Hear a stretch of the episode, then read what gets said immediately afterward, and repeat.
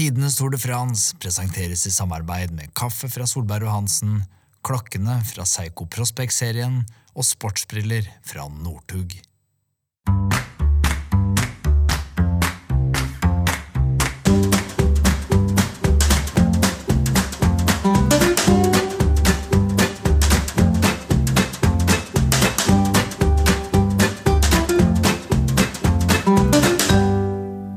Hjertelig velkommen skal dere alle sammen være til tidenes Tour de France. Din, eh, alles, eh, hele verdens favorittpodkast. Eh, jeg er som vanlig Hanso, og med meg har jeg deg, Jarle.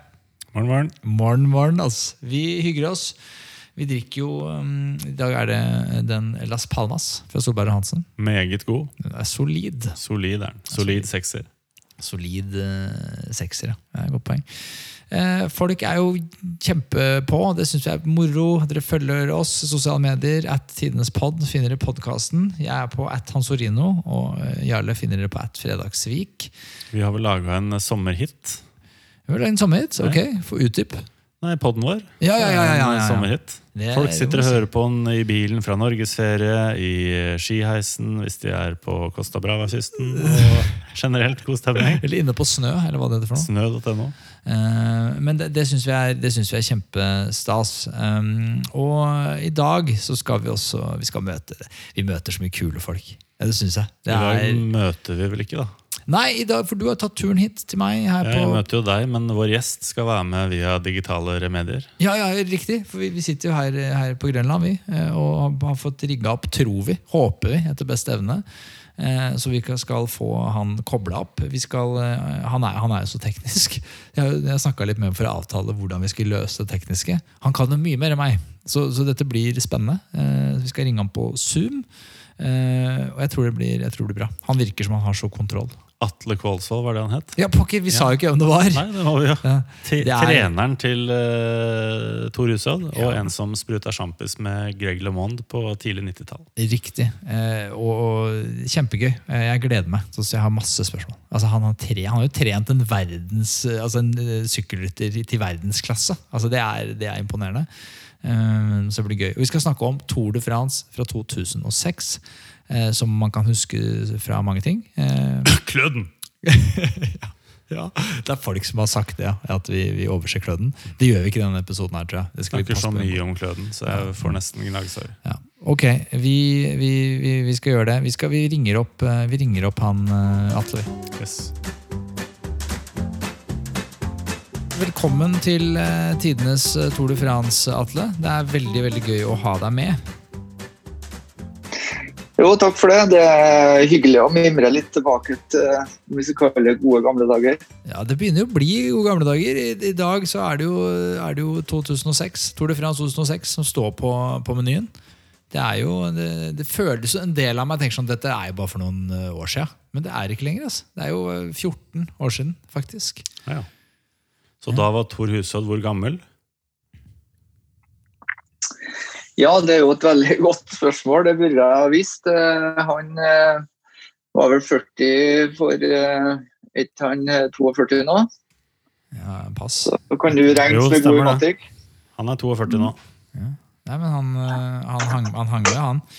Nei, men Atle, så gøy. Hvor er det du sitter nå? Siden vi ikke kunne, siden vi ikke, du sitter jo åpenbart ikke på Grønland, i Oslo, der vi sitter. Eh, Hvor er det du befinner deg?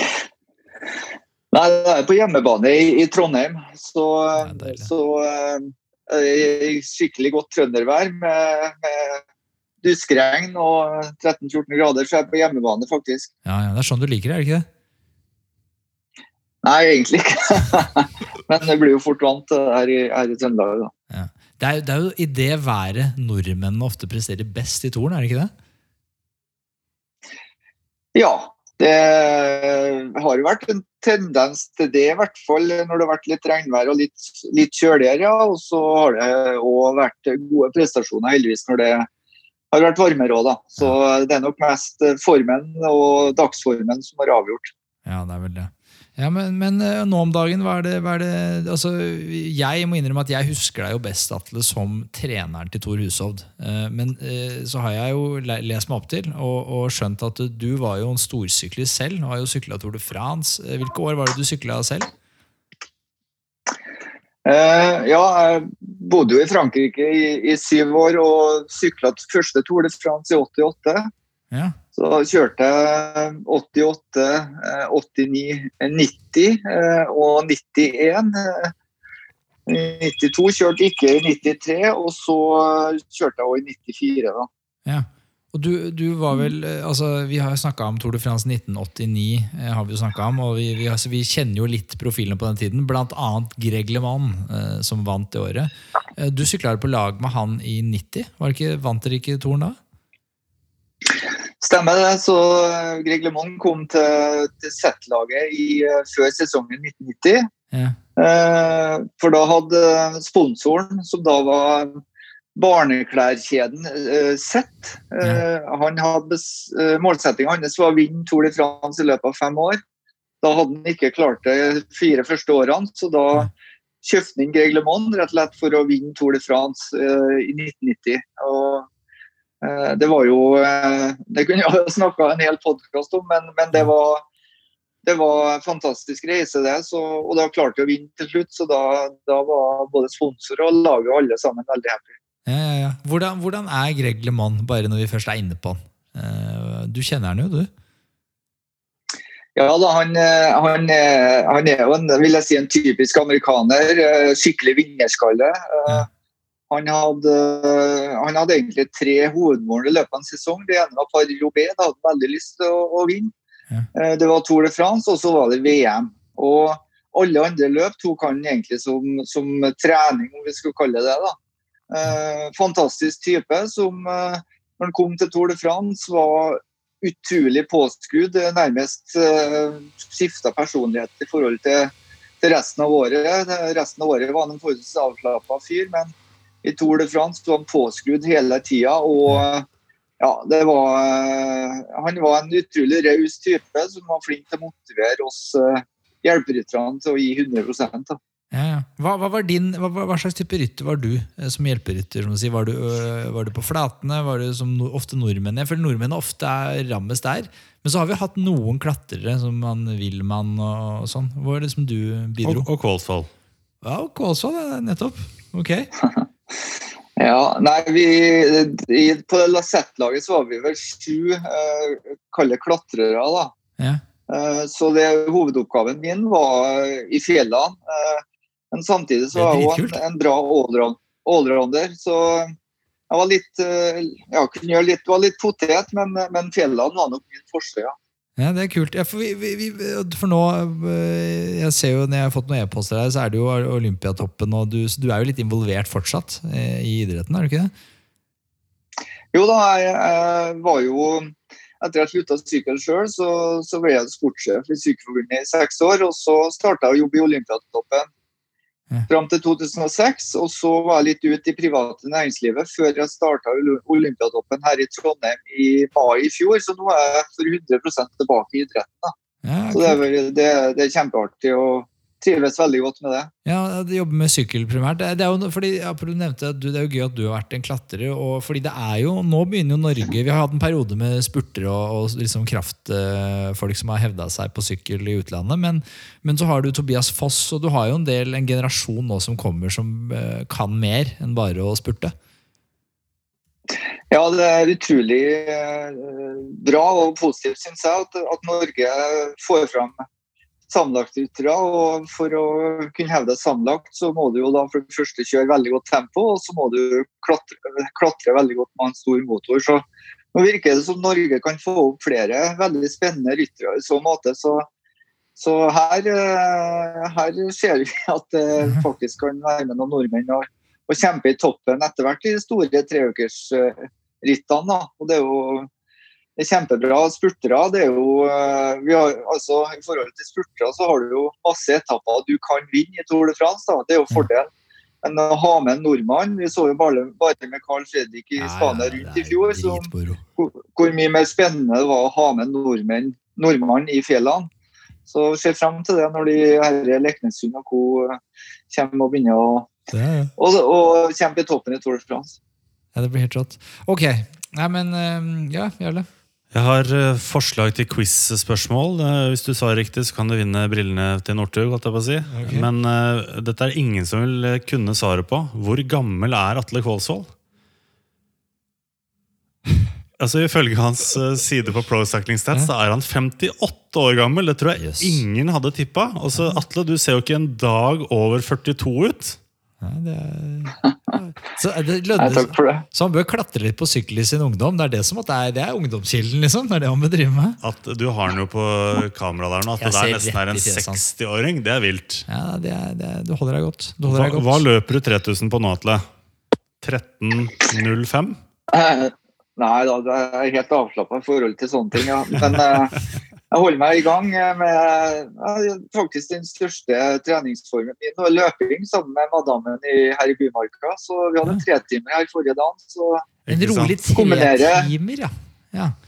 ja, ja. Ja, det er friskt. Ja, det tror jeg ikke. Jeg tror, da, jeg tror jeg hadde fått krampe etter liksom, eh, Det har jeg ikke i meg. Tre timer med løping. Jeg antar det er litt rolig da. Det er ikke, det er ikke, det er ikke så raskt tempo da. Rolig, forholdsvis rolig. Jeg er ferdig med det med å ha det vondt på trening. Så det går mye på å ha komforttempo og, trivselstempo. Og rett og slett eh, kose seg når en- når en trener. Ja, deilig. Det er ikke, du I Trøndelag det er jo masse løpegale. altså Oddvar Brå og liksom disse, disse gamle løpe, som løper i myr. Det er ikke, du er ikke oppe oppe i myra med det Brå? Nei, men jeg har hatt noen få løpeturer med Oddvar Brå. Det er en slitsom affære. For, for første så er han jo han er ganske bra til, å- til, til, til springing, eh, som vi sier på trøndersk. Eh, Det, det er den ene tingen, men han skal prate hele tida. Ja, ja uh, Så, og det er ganske Han hadde pokker ikke kjeft, det er det som er problemet. Han driver ikke med sånn der banter, at han skal psyke deg ut òg, når, når du løper. Ja, det kan godt, godt være det. Altså. Men han, eh, Oddvar er, er jo spreking, så Ja.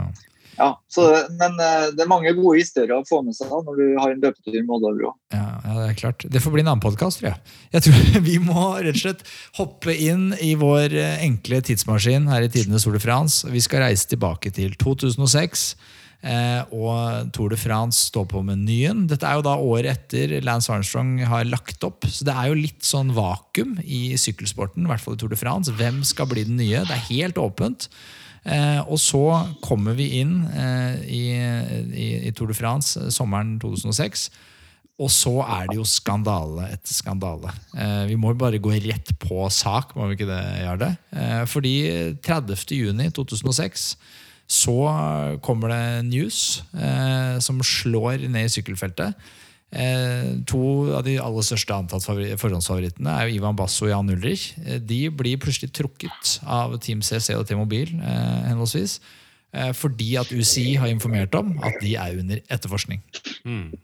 Det starter jo egentlig litt før. Det er noen arrestasjoner idet rytterne er i en avgjørende fase av Giro d'Italia. Ja, 22. mai blir Manolo Saiz, som da var general manager i Liberti Seguros, han blir arrestert. Eh, og det ble også legen Eufemiano Fuentes, en blodanalytiker, en terrengsyklist som har vært med å hjelpe til her. Og vedkommende som var assisterende sportsdirektør for laget Comunidad Valenciana. Altså laget som tidligere het Kelme. Så både Ja. Kelme og Liberty Seguros er ganske sentrale eh, i den eh, operasjonen her. Og politiet har da Det starter jo med han Manzano, som Johan Kaggestad fortalte om. Ja, han som eh, falt til grunnen på en etappe, og folk trodde det var heterslag, men han var uh, proppa full på noe greier som han ikke skulle ha i kroppen sin. Og han begynner å fortelle om det, liksom, det hemmelige livet innenfor Kelmer-laget, der å ha vært ansatt som lege i en periode på 18 måneder. Eh, og etter det så begynner uh, spansk politi å interessere seg for det. her, Så de begynner å overvåke uh, klinikken til Fuentes i Madrid. Og der kan du jo se på masse toppidrettsutøvere fra mange Går forskjellige idretter som går inn og ut. Og så spiller inn Atle her også. Vi er vel på et punkt hvor arrangørene av disse sykkelløpene begynner å bli litt lei av all dopingproblematikk. Så de legger seg vel på en linje nå hvor de begynner å sette litt hardt mot hardt. At hvis du er hvis du kan være involvert i den forventede saken, så har du ikke noe i Tour de France å gjøre. Det er vel det ASO i klartekst sier her. Ja, Hva husker du, Atle? av opprydding her? Nei, det var Jo, det, det er jo som de alle sier, det skjedde jo ganske mye i forkant. Mye skriveri i media osv. Og, så og eh, det var jo veldig spesiell stemning eh, de dagene før Tour de France. For lagene møtes jo tre dager før ikke sant, i, mm. I, i startbyen. Og det er legeskikk og alt dette her i som Tour de France har. da, så Da møtes jo ryttere og lag om hverandre, og, og det blir litt prating og litt sånne ting. og eh, Jeg husker jo ledelsen i Kredrikstad i Koll eh, snakka en del om det her selvfølgelig, og, og sånne ting. og eh, Men for, for Tor sin del så var det om å holde 100% fokus da, i, i det herre her eh, som skjedde. da. Mm. Og så var det som jeg hoppa jo litt ja, men så var det da eh, egentlig rett før dagen før toren begynner, at det virkelig blir eh, ramaskrik. Da Ivan Basso blir trukket eh, av Team CC, og Jan Ulrich, som eh, kanskje var den aller største favoritten din, eh, også blir trukket og ikke får starte eh, toren. Vi kan ta lista. Eh, senere så ble dette skrivet omtalt som The Puerto Nine. I hvert fall i mm. avisene. Basso Ulrich, som du sa. Francisco Manchebo. Oscar Sevilla. Joseba Beloki. Og så en del sånne kanskje litt mindre typer på det laget som egentlig het Liberty Seguros. Eh, tidligere Onse. Mm. Eh, og Liberty Seguros trakk seg når det her dukka opp i midten av mai. Astana og Vyrt er liksom nye sponsorene, så de her heter nå Astana. Men Isidro Nosal, Sergio Paulinho, Alan Davis og Alberto Contador står på den mm. opprinnelige lista. Contador blir, uh, blir uh, klarert uh, bare en uke seinere, tror jeg, men da er det for seint. Han har, han har mista Tour de France. Men mm. det var så mange på det tidligere Libertis Seguros-laget uansett, så de hadde ikke hatt nok ryttere til å starte. Og Det betyr jo også at Aleksandr Vinokorov var også ute. Ja, så Du snakka litt om vakuum etter Lance i stad, men det blir jo et kjempevakuum. Ja, ja. For når du har liksom fem-seks uh, sammenlagtryttere ute, hvem skal nå faktisk step up the game? Ja. Ja, det, er helt riktig. og, og det, Vi går alltid gjennom samlagsfavorittene for det året, og det blir jo litt annerledes det året her. Eh, det, jeg har notert at man sitter igjen med, er eh, Alejandro Valverde. Eh, han vant Liège, Basson Liège det året. Var ung, ordentlig lovende rytter. Begynte liksom å finne sin, sin posisjon. Og så har du jo selvfølgelig Floyd Landis, som skulle være arvtakeren etter Lance Armstrong. Ked Levens må jo nevnes. Eh, og ikke minst eh, Levi Leipheimer, som vant Dauphiné det året. Mm. og så er det en del andre outsidere, Jarle. Vi har, ja. Altså jeg har skrevet ned Iban Mayo, som uh, vant en veldig tøff uh, etappe mellom Briançon og La Toussuire. Jeg klarer, klarer, ikke å si det, Atle. Du får ta fransken etterpå. Mm -hmm. Under uh, Dauphiné Libéré. Uh, og så har, så har jeg også merka meg også Discovery Channel. De har jo ikke Lance, men de har jo Acevedo, Ekimov, George Hinkepi, som skal på en måte være den nye stjerna. Popovic, Savoldelli har de henta mm. inn etter at han, eh, han vant vel Giroen et år. Mm. Uh, Egoy Martinez. altså Laget der er på en måte sterkt, men du har ikke liksom den store stjerna som de har vært, uh, vært vant, til å ha. da. Så har du Andreas Kløden, Theon Beyer. Han hopper jo opp til å bli kaptein i Ulrich sitt uh, fravær. Yes. Carlos Sastre må jo nevnes. Dennis Menchow kanskje i Rabobank. Ja, Sastre skulle jo være superhjelperen til Basso. Basso. Riktig, så han også hoppa opp til å bli kaptein. Ja. Um, hvem var det du så på som største favoritten det året, Atle? Nei, altså det litt, Kanskje litt spesielt uh, og, høres kanskje spesielt ut, men, men, mitt fokus var rett og slett uh, bare på Tor, og da var sandlakten ikke så interessant. Uh, så i og med at det skjedde så mye år rett i forkant, så, så ble det veldig uforutsigbart, egentlig. Så, så, så det, jeg hadde egentlig ikke noe stor favoritt sånn sett. når det når de store favorittene måtte pakke sammen og, og reise hjem. Ja, og ingen du hadde mer tro på altså av de navnene vi har nevnt? hvor du tenkte sånn, ja, dette Kanskje, kanskje, kanskje Valverde eller kanskje Cadell er eh, god nok til å ta det? Nei, altså Hvis det var én som uh, kunne være aktuelt, så var det vel uh, som vi kanskje tenkte på, var Cadell Evans. sånn mm. sett da, Som kunne dukke opp uh, når så mange plutselig ble borte. Og Tyler Hamilton var vel uh, suspendert, hvis jeg ikke tar feil. Ja, jeg tror han røy, røyk i garnet i 2004. Mm, riktig. Løypa det året eh, er jo da 93. utgaven av Tour de France. Eh, Besto av én prolog, 20 etapper. Eh, bare tre toppfinisher. Eh, det ble jo ofte i hvert fall et, en eller to flere. Eh, 116 km individuell tempo, men ingen lagtempo. Eh, og så er det bonussekunder. Eh, og det er noe at man skal, vi skal se at det er jo både positivt og negativt for Thor. Men når det er bonussekunder i Tour de France, da var vel på den tida der så var vel Thor Hushovd ganske higen på å Og da lukta vel han gul trøye, gjorde han ikke det? Jo da, det er klart eh, at de bonussekundene var viktige for, for han. eh, og Det var jo veldig tett da etter prologen, så det var viktig å, å, å ta sekunder eh, på de bonusspurtene. Både underveis og, og i mål. da, Ja. Helt klart. Skal vi ta litt om oppkjøringa til Thor? For jeg mener jo at eh, Han har uttalt etterpå at han var veldig trygg på seg sjøl når han kom til juni og kjørte gjennom Dauphiné. Eh, fikk seg en eh, fin etappeseier der. Litt sånn duell mot O'Grady, som ikke noe brudd underveis. Eh, Credit Agricole legger seg i, i front av feltet og, og kjører det inn. Og så er Hushovd eh, overlegen i avslutningen foran Samuel Dumoulin og Philippe Gilbert. Da, da senker vel roen seg over Kvålsvoll-Hushovd-teamet?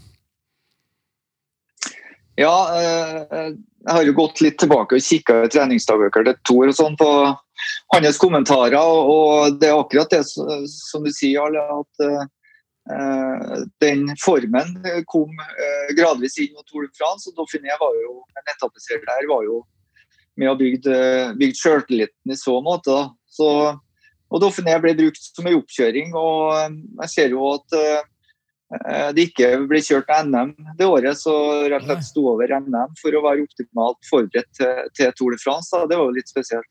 Ja. Hvordan var vårsesongen for øvrig for Tour det, det året? Husker du det? Det husker jeg. hvis du trenger det. Eh, Nei, ja, altså, han, han vant jo Det var en kjempegod sesong. Han vant Gent Wevelgem. Ah, Eh, Han vant en etappeseier under Catalonia rundt. Han vant en etappeseier under Tireno Adriatico.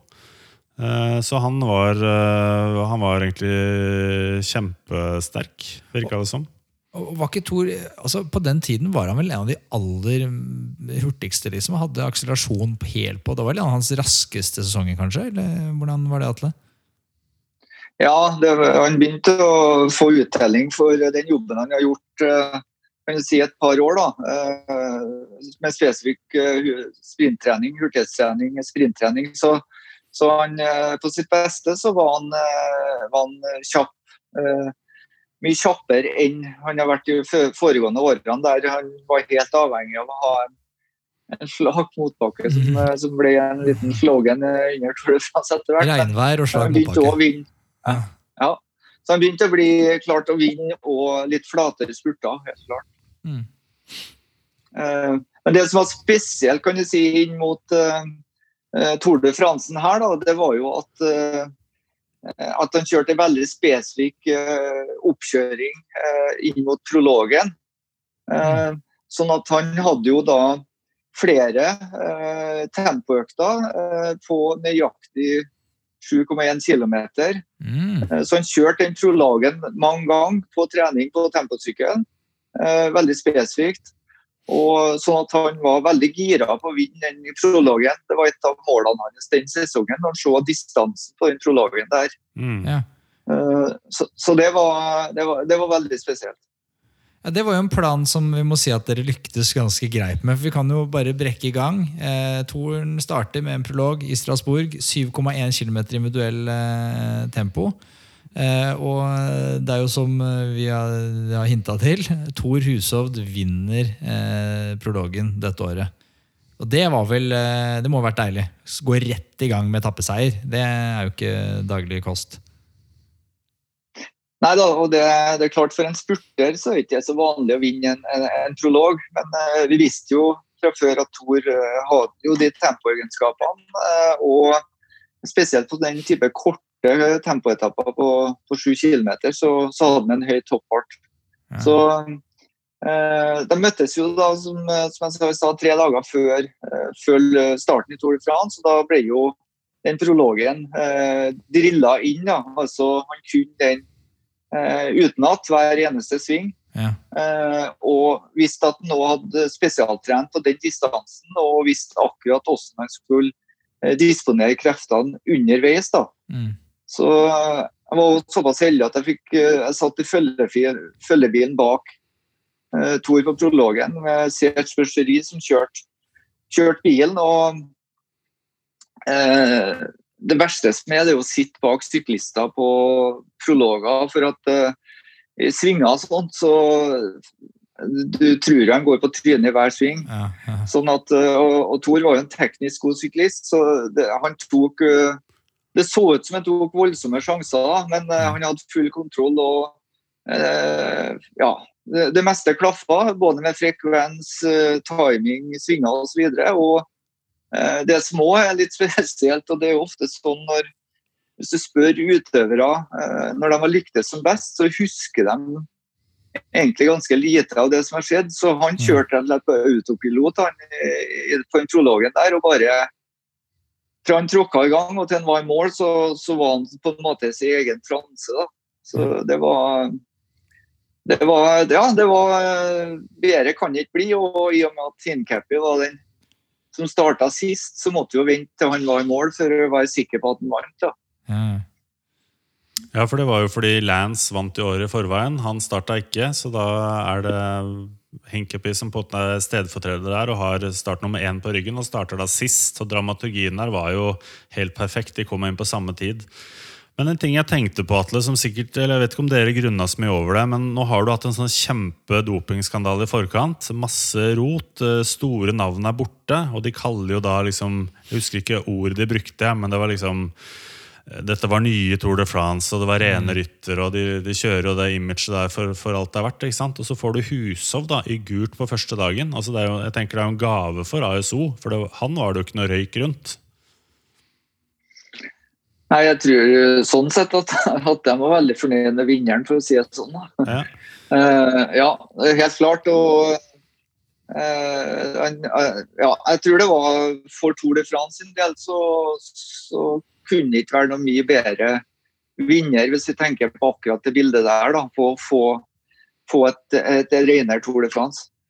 Det er litt drama her eh, rundt en av forhåndsfavorittene. Eh, Landis han, eh, han oppdager en, en rift i dekket hans idet han skal gjøre seg klar og dra til startrampen. Som gjør at han kommer tre sekunder for, sent til startområdet.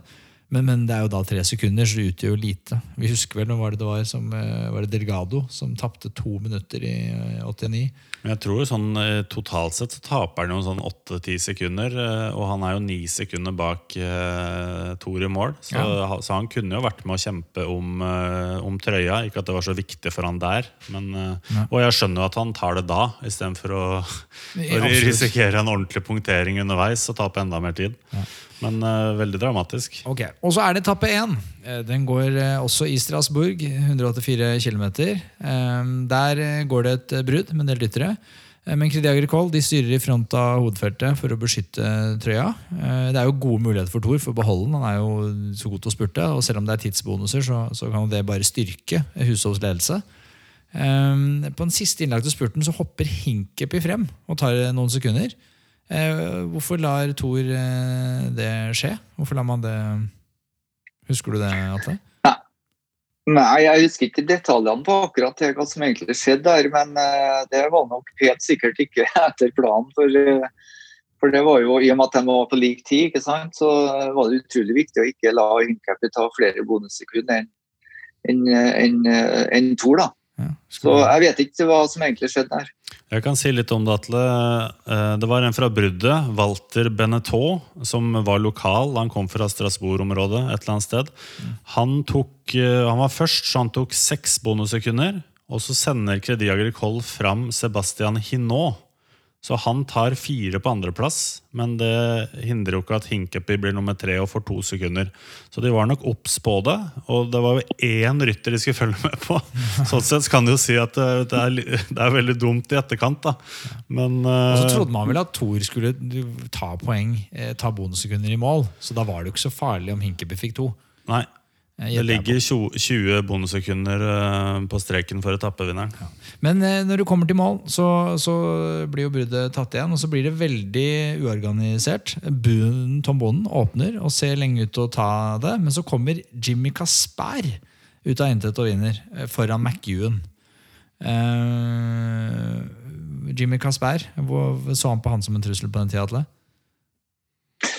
Nei, han var jo eh, viste at han var kjapp, men den han kom nok litt fra en skikkelig joker ja, som ingen hadde venta skulle slå de store spurtkanonene. Så det var nok en meget overraskende etappevinner i en sånn samla spurt. Ja, men det er noe annet vi husker best, Jarle?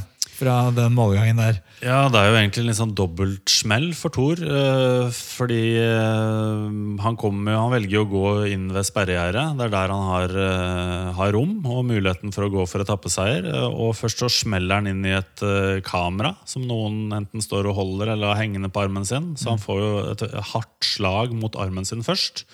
Og så, en meter eller to seinere, så kjører han på en av disse clappers, som jeg kaller det. Altså disse plasthanskene. PMU. PMU, ja. Fransk eh, bettingbyrå, hvis jeg ikke tar feil.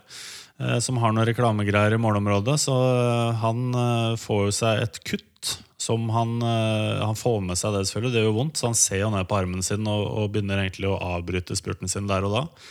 Og det blør jo såpass mye, så han uh, legger seg jo ned når han kommer om målstreken. Og det ser egentlig ganske dramatisk ut. Ja. Men hva husker du, uh, Atle, av, um, av denne episoden med armen til Thor? Nei, det, det, jeg husker, var jo at han kom helt inn med reinen der og egentlig var, var stengt. Og, og, da kom bort til tilskueren som sannsynligvis sto med et kamera. da. Ja. Så det ble jo forholdsvis dramatisk. Eh, og eh, altså, han fikk kutta den eh, puls, ikke pulsårene, men blodåra, sånn at det, det, på en måte pumpa blod. Det så, litt, det så jo mye verre ut enn det egentlig var. da. Ja.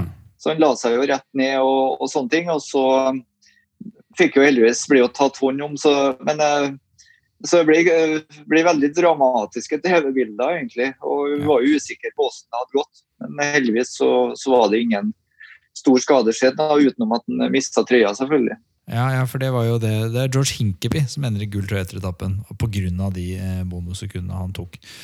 Ok, Vi hopper til etappe to. Eh, går fra Obernai og inn i Luxembourg. Eh, og litt småkupert etappe.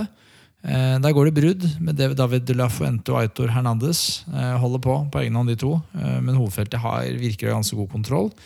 Og så tas de to igjen da, med om lag 10 km igjen til mål. og så er det liksom småkupler på slutten, noe som gjør at ryttere prøver seg. og da har vi jo Mathias Kessler fra T-Mobile som er hisse på grøten. Han prøver seg på et stunt ca. 5 km fra mål. Eh, og Han ligger alene foran lenge, og så går det en velt i hovedfeltet. Eh, men fronten jager fortsatt på Kessler. Eh, og så ca. 200 meter fra mål så kjøres Kessler inn av de store spurttogene. Og så er det McEwan som vinner etappen foran Bonen. Og så er Husov med. Husov på tredje. Og Rob McEwan han var jo ekstremt rask eh, på den tiden. Jeg har jo med, Vi spurte jo Edvald og mange av disse, og Kurt Asle og disse andre om dette. og De sier jo at eh, den eneste de, de kan se for seg at kan måte, kunne konkurrere med Cavendish på topp, det må være McEwan på topp. Hva, hva husker du av McEwan, Atle? Ja, det var jo eh, ja, Han og Cavendish litt, litt samme typene. Små, små typer, veldig hurtig. Eh, altså rene spurtere, egentlig. da. Mm. Så de er nok noen av de to kjappeste. Jeg er helt enig i den, i den vurderinga der, jo. Hva, hva, er hemmeligheten? Altså, hadde han noen banebakgrunn McEwan? Jeg føler at disse superspurterne Det er liksom min, det er min hypotese. Det er få satt de norske spurterne på bane, og det er jo bra. Nå bygges det jo velodromer både på Østlandet og Vestlandet. Men hva, tror du er hemmeligheten, du som er, kan dette? ja, Cavendish uh, er jo fra bane, og McEwen har jo kjørt en hel bane. Han har jo kjørt en god del BMX, stemmer ikke det, Jarle? Jo, stemmer det. Uh, så, ja, så, han har med seg en hurtig ja, han har med seg en hurtighet og ikke minst en, en, en veldig teknikk. Da. Han var jo en mester i å, å behandle sykkelen. Det er jo en de drev jo litt kunst, der i spurterne i sluttfasen. ikke sant? Vi husker et bilde av McEwen når han ligger og stanger i, i, en spurt der. og De har veldig kontroll på sykkelen. og Det er klart å ha med seg både banebakgrunn og type BMX er jo en, en kjempefordel i sånn måte. da. Og så er det jo uh, virkelig fight om gul trøye her. Uh, det er jo bonussekunder på streken. McEwan vinner jo. Tom Bowen blir nummer to. Hushold blir nummer tre. Det gjør at Hushold tar tilbake gult, men det gjør også at uh, Bowen nå er fem sekunder bak. Han kutter avstanden fra elleve sekunder til fem sekunder. Og målet hans er jo selvfølgelig å ta gult når vi Nå er vi i Benelux, vi skal mot Belgia. Han vil jo ta gult seinere, ideelt sett. da. Mm. Og så er det også også to Thor er jo ganske hissig på startstreken her, for han er jo forbanna etter den uh, klapperen og kameraet. Han er liksom mørbanka og, og innbitt på at han skal ta tilbake gult. Da. Det var selvfølgelig også irriterende å miste den.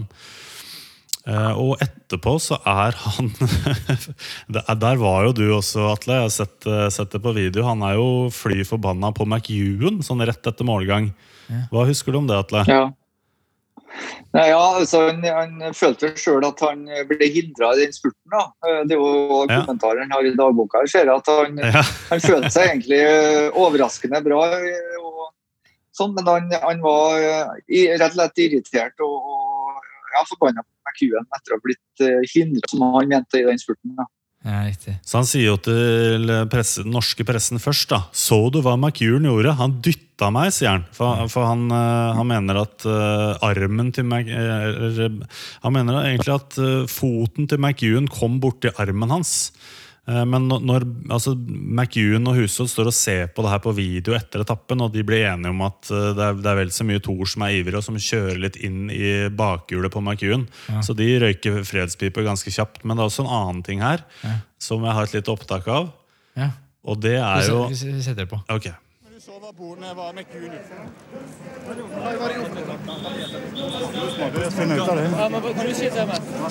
Jeg har vondt i den armen.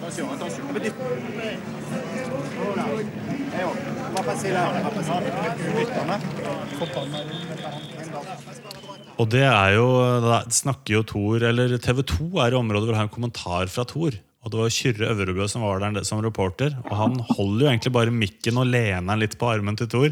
Og Thor snur seg. 'Å, vondt i den armen der!' og, og jeg, han er ganske Skal vi si tent, eller hva vil du si, Atle? Jo da, det er klart det koker etter. Husk på, Det er ikke så mange idretter der du får kamera og mikrofon i trynet etter, rett etter målgang. og det, det koker, det er mye adrenalin, det koker heftig. så Det er jo en klassiker, den, akkurat den kommentaren der. Så, ja. så uh, han kunne ha fort ha fått seg litt av blåveis, Men uh, det gikk nå heldigvis bra.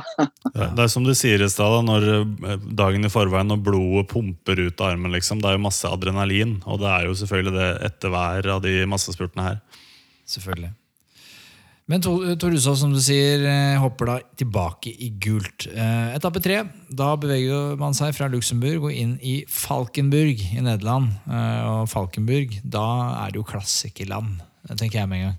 Ja, det her er egentlig en etappe som er en sånn liten hybrid mellom Liège-Basson-Liège og Amstel Gold Race. Eh, først så er det nordre del av de belgiske Ardennene. Og så kommer man inn i de kuperte delene sør-øst i Nederland. Og mål på toppen av Nei, i etterkant av Kaberg, som er veldig kjent fra Amstel Gold Race. da.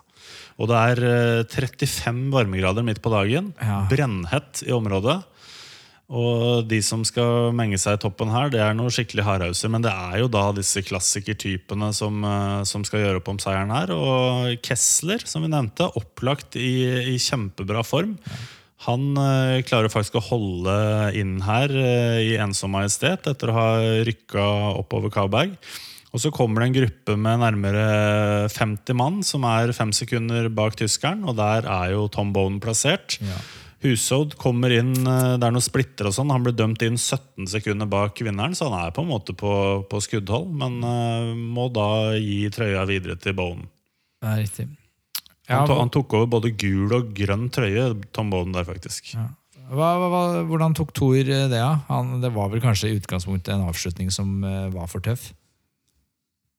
Ja, det, det burde for så vidt ha gått, det. Men det som er, det er jo Tor har jo alltid strevd litt eh, når det blir varmt. og det, Jeg husker på dagen der det var enormt hett og, og klamt, egentlig. Uh, sånn at, og Jeg ser jo fra kommentarene her at han slet en del med magen, og, og at det gikk tungt i bakkene. Mm. Og ramla av, og unormalt, som jeg skriver sjøl. Så han burde nok ha vært med den 15-manns førstegruppa inn over streken, men men eh, da, det, det klarte han ikke, og da, da røyk jo trøya. Dette med magetrøbbel og syklister, Atle, hva er hovedutfordringen i, i løpet av Grand Tours? Det verste er jo kan si, eh, å få det, spesielt eh, når det er så varmt, er at du da ikke klarer å få igjen nok væske. Altså, mm. Magen fungerer ikke normalt, og da, da, er det mye tyngre å få ned væske. og da Hvis du ikke får igjen nok væske og det er varmt, så, kommer det underbalanse. og Da, da sier det seg jo sjøl at det, det, går utover prestasjon. Mm. Så uh, å få mageproblem i en trekersstor uh, I min første Tour de France i 88 så røyk jeg ut på tidslimiten opp, uh, du sa den. Uh, tre minutter bak tidslimiten, og det var jo, da hadde jeg rett og slett diaré. Mm. jeg hadde tatt da ei vannflaske fra en publikummer opp på alt US noen dager før. Ja. Og Det var sannsynligvis noe dritt i det vannet. og Jeg satt på ramma en par-tre dager der, og det, det, er ikke noe spesielt oppbyggende i en treukersstol. Da, da, går det bare én vei. Da. Ja. Det, det går i dass. Ja, det går i dass. Jeg har et par notater fra etappen der. Alejandro Valverde krasjer og mm. bryter Tour de France. Eh, brudd i kragebeinet. Nok en favoritt ute, altså. Hvem mm. skal steppe up? Og McEwan mister førsteopptrekkeren sin, Fred Rodriguez. Og nå er det Gert Stegmans som skal trekke opp for eh, den lille kula fra Australia. Mm. Men Gert Stegmans er ikke så dårlig, han heller, fordi vi hopper til etappe fire, eh, som starter i Hoi i Belgia, eh, og beveger seg tilbake til Frankrike. Eh, Bonden lyktes jo med det han ønska, han, så han får eh, sykle med å paradere i gul trøye i Belgia. Eh, så går det et brudd.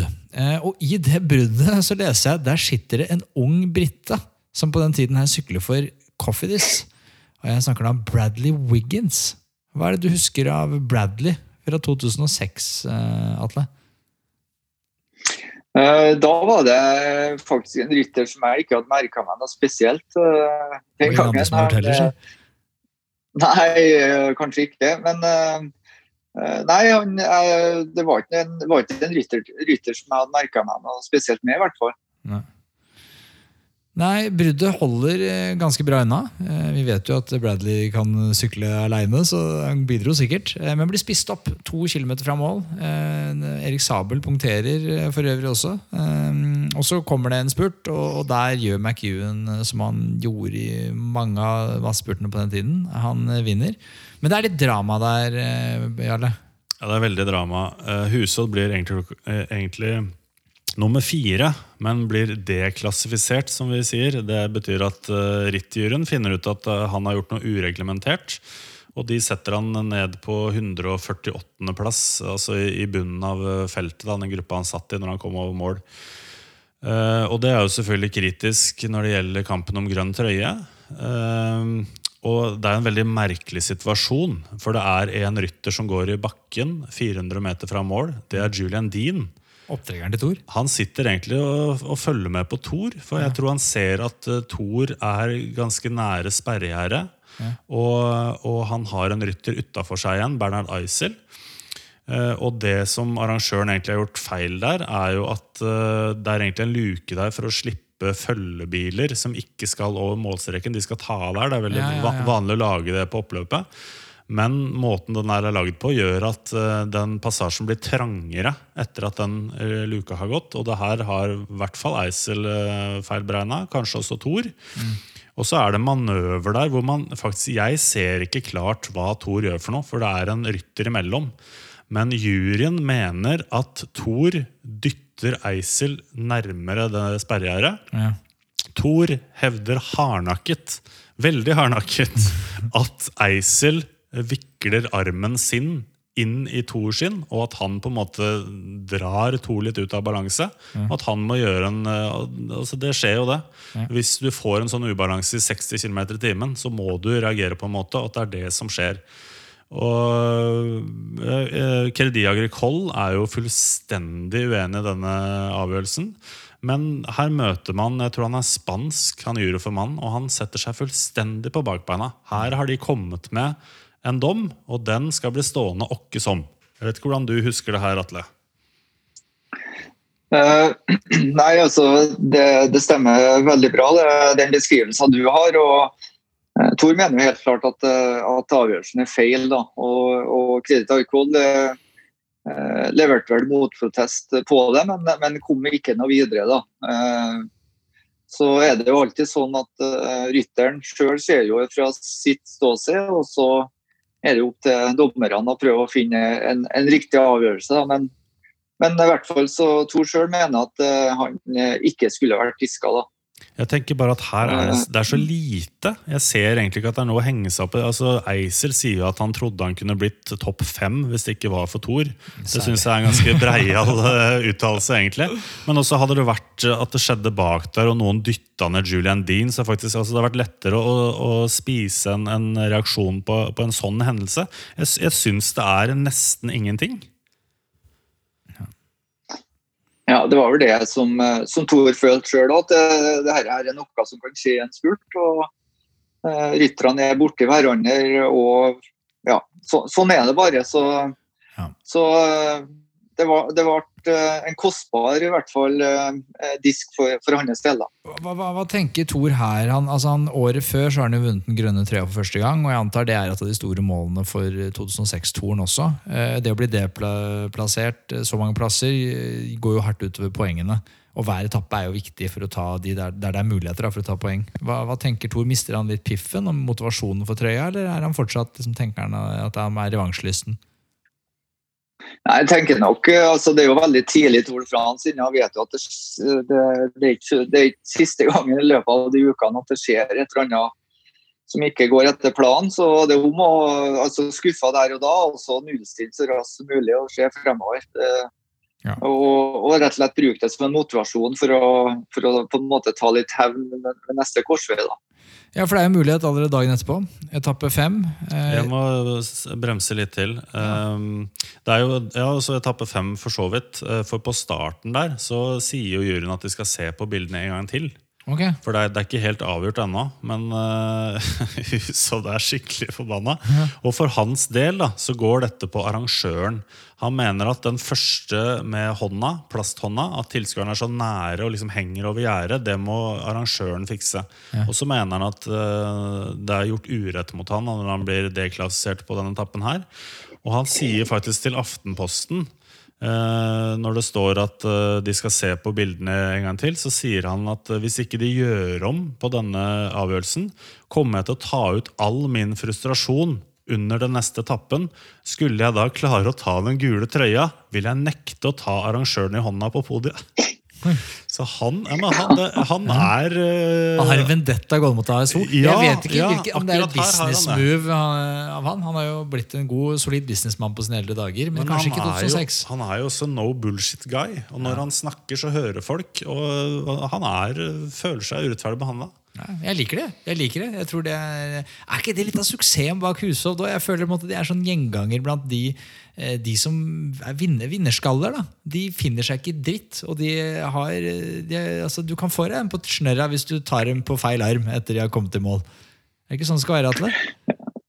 Jo da, I Frankrike så har de et uttrykk bare som de kaller for karakter. da, altså en, en personlighet som har en karakter, og står for noe. og Mm. Og det Er klart, eh, er du en vinnerskalle, så, så er det, da er du steinhard, og, og, da er det den type eh, refleksjoner reaksjoner som vi alle sier her, som, som kan dukke opp. Og bruke dette selvfølgelig som en, en, motivasjon og en drivkraft til seg sjøl til å rett og slett komme sterkt tilbake. da.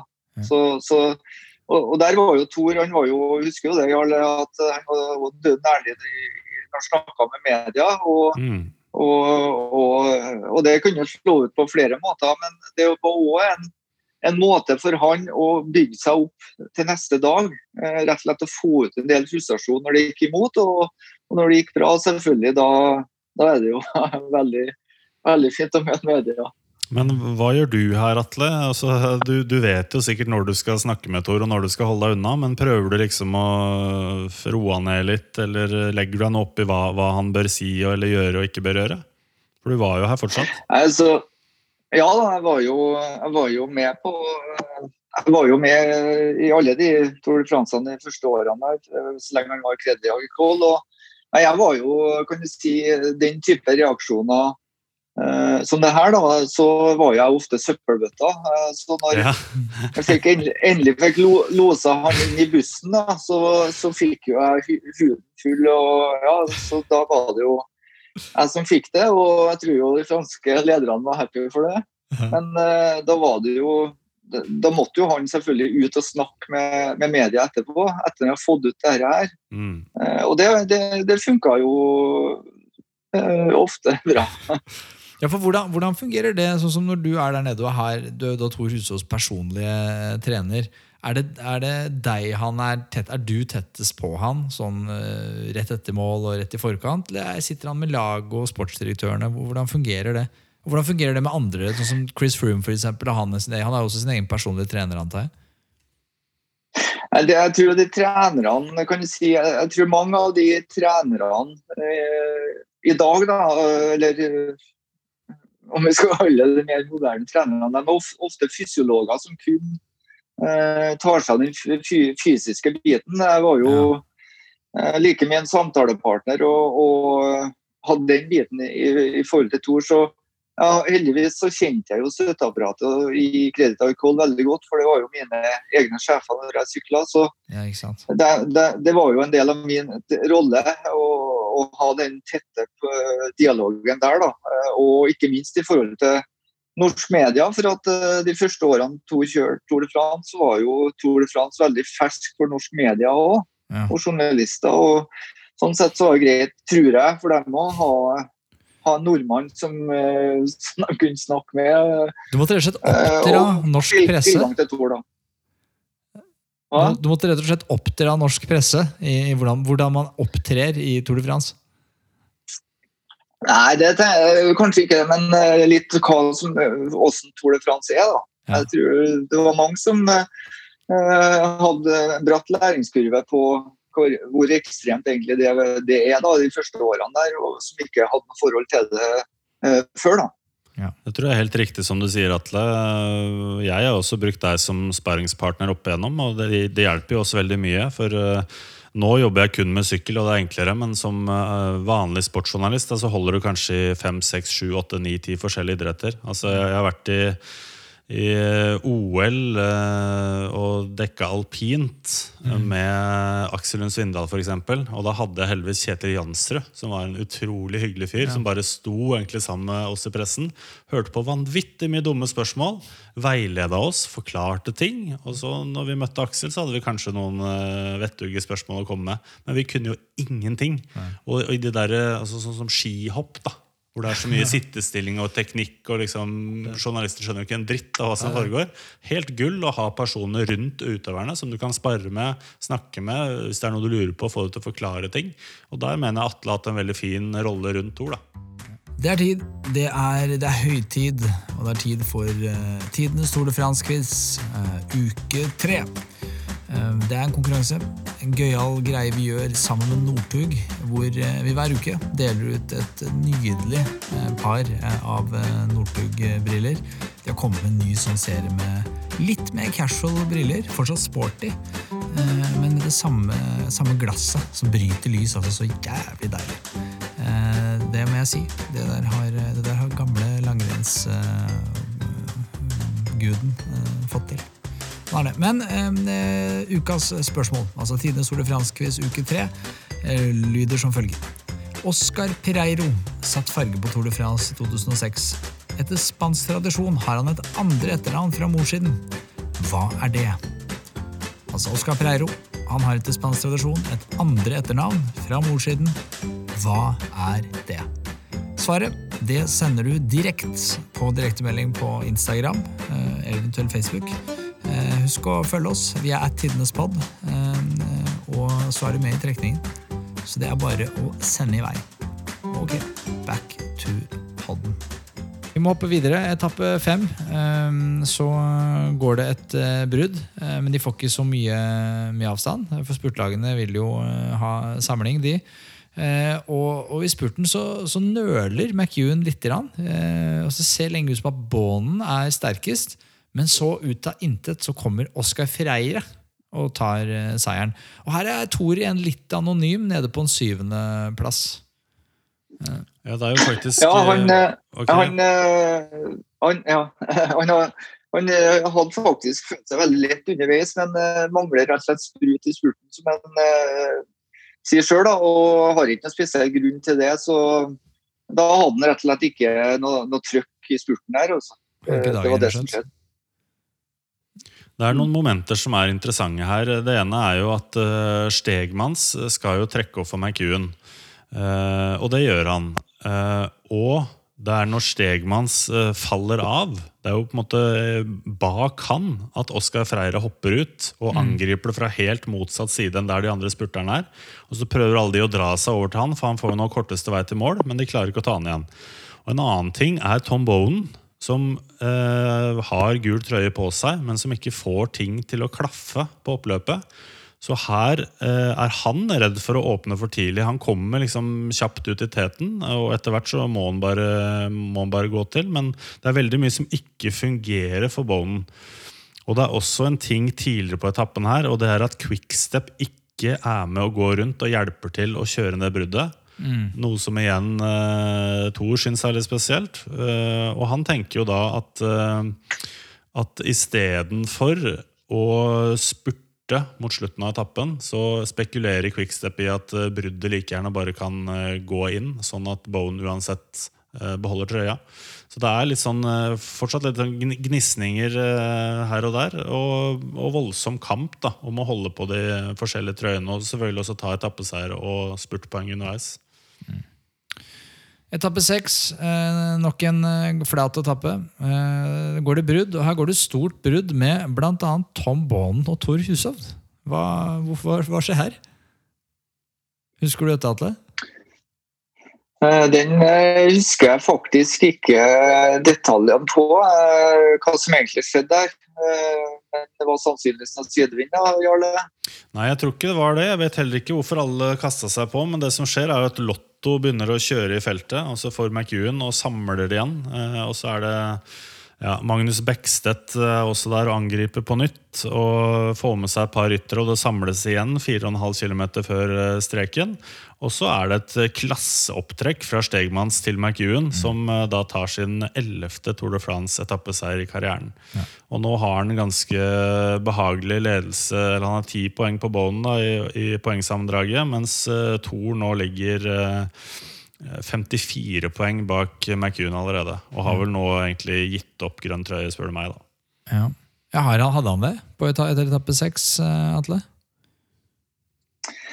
Nei, altså eh, Han hadde jo fått med seg prologseieren, gul trøye, og, og, sånn sett den, ja, de første dagene der. Eh, men den grønne, grønne trøya, det det, det er innmari stressende trøye i og med at du må prøve å sanke poeng hver både underveis på etappene og i, i mål. Eh, det, og da når det går litt stang ut på noen, eh, noen, av de etappene der du egentlig har tenkt å ta poeng, så da blir det eh, fort store avstander. Men, men fortsatt ikke ferdig med første uka, så har du nok ikke gitt opp den grønne trøya. Nei. Og så er det etappe syv. Det er da den første individuelle ordentlige tempoetappen i 2006 eh, Tour de France. Eh, endelig så skal man se sammenlagtfavorittene få teste hverandre litt. Eh, vi, det er jo, er jo veldig åpen, som vi har sagt flere ganger her. Eh, og det er eh, Sergej Sergej Sergi Honchar fra T-Mobil som eh, vinner, ganske overlegent, med ett minutt og ett sekund på Floyd Landis. Eh, hva husker vi av Sergej Honchar. Jeg så navnet, så er det et eller annet Jeg tror jeg spilte noe sånn championship, sånn managerspill. Cycling Manager heter det vel. Eh, hvor Honchar var steingod eh, for lenge lenge siden. Det tror jeg er mitt eneste forhold til Honchar. Jeg har en liten fun fact på han. faktisk Dette okay. blir veldig nerdete, da, men det er ikke derfor vi er her. Han er heter egentlig Sergej Gonchar. Ja. Noe som også en uh, NHL-profil uh, heter. Så man kan også bli forvirra der. Men uh, det det skal dreie seg om, er feilpunch i passet hans, som vi også har opplevd i Colombia. Ja. altså Alvaro Hodeg fra Colombia heter jo egentlig Alvaro Hodge. For han har en bestefar fra Skottland. Og her også er det, som jeg har lest, en feilpunch på navnet hans. Han heter Gonchar.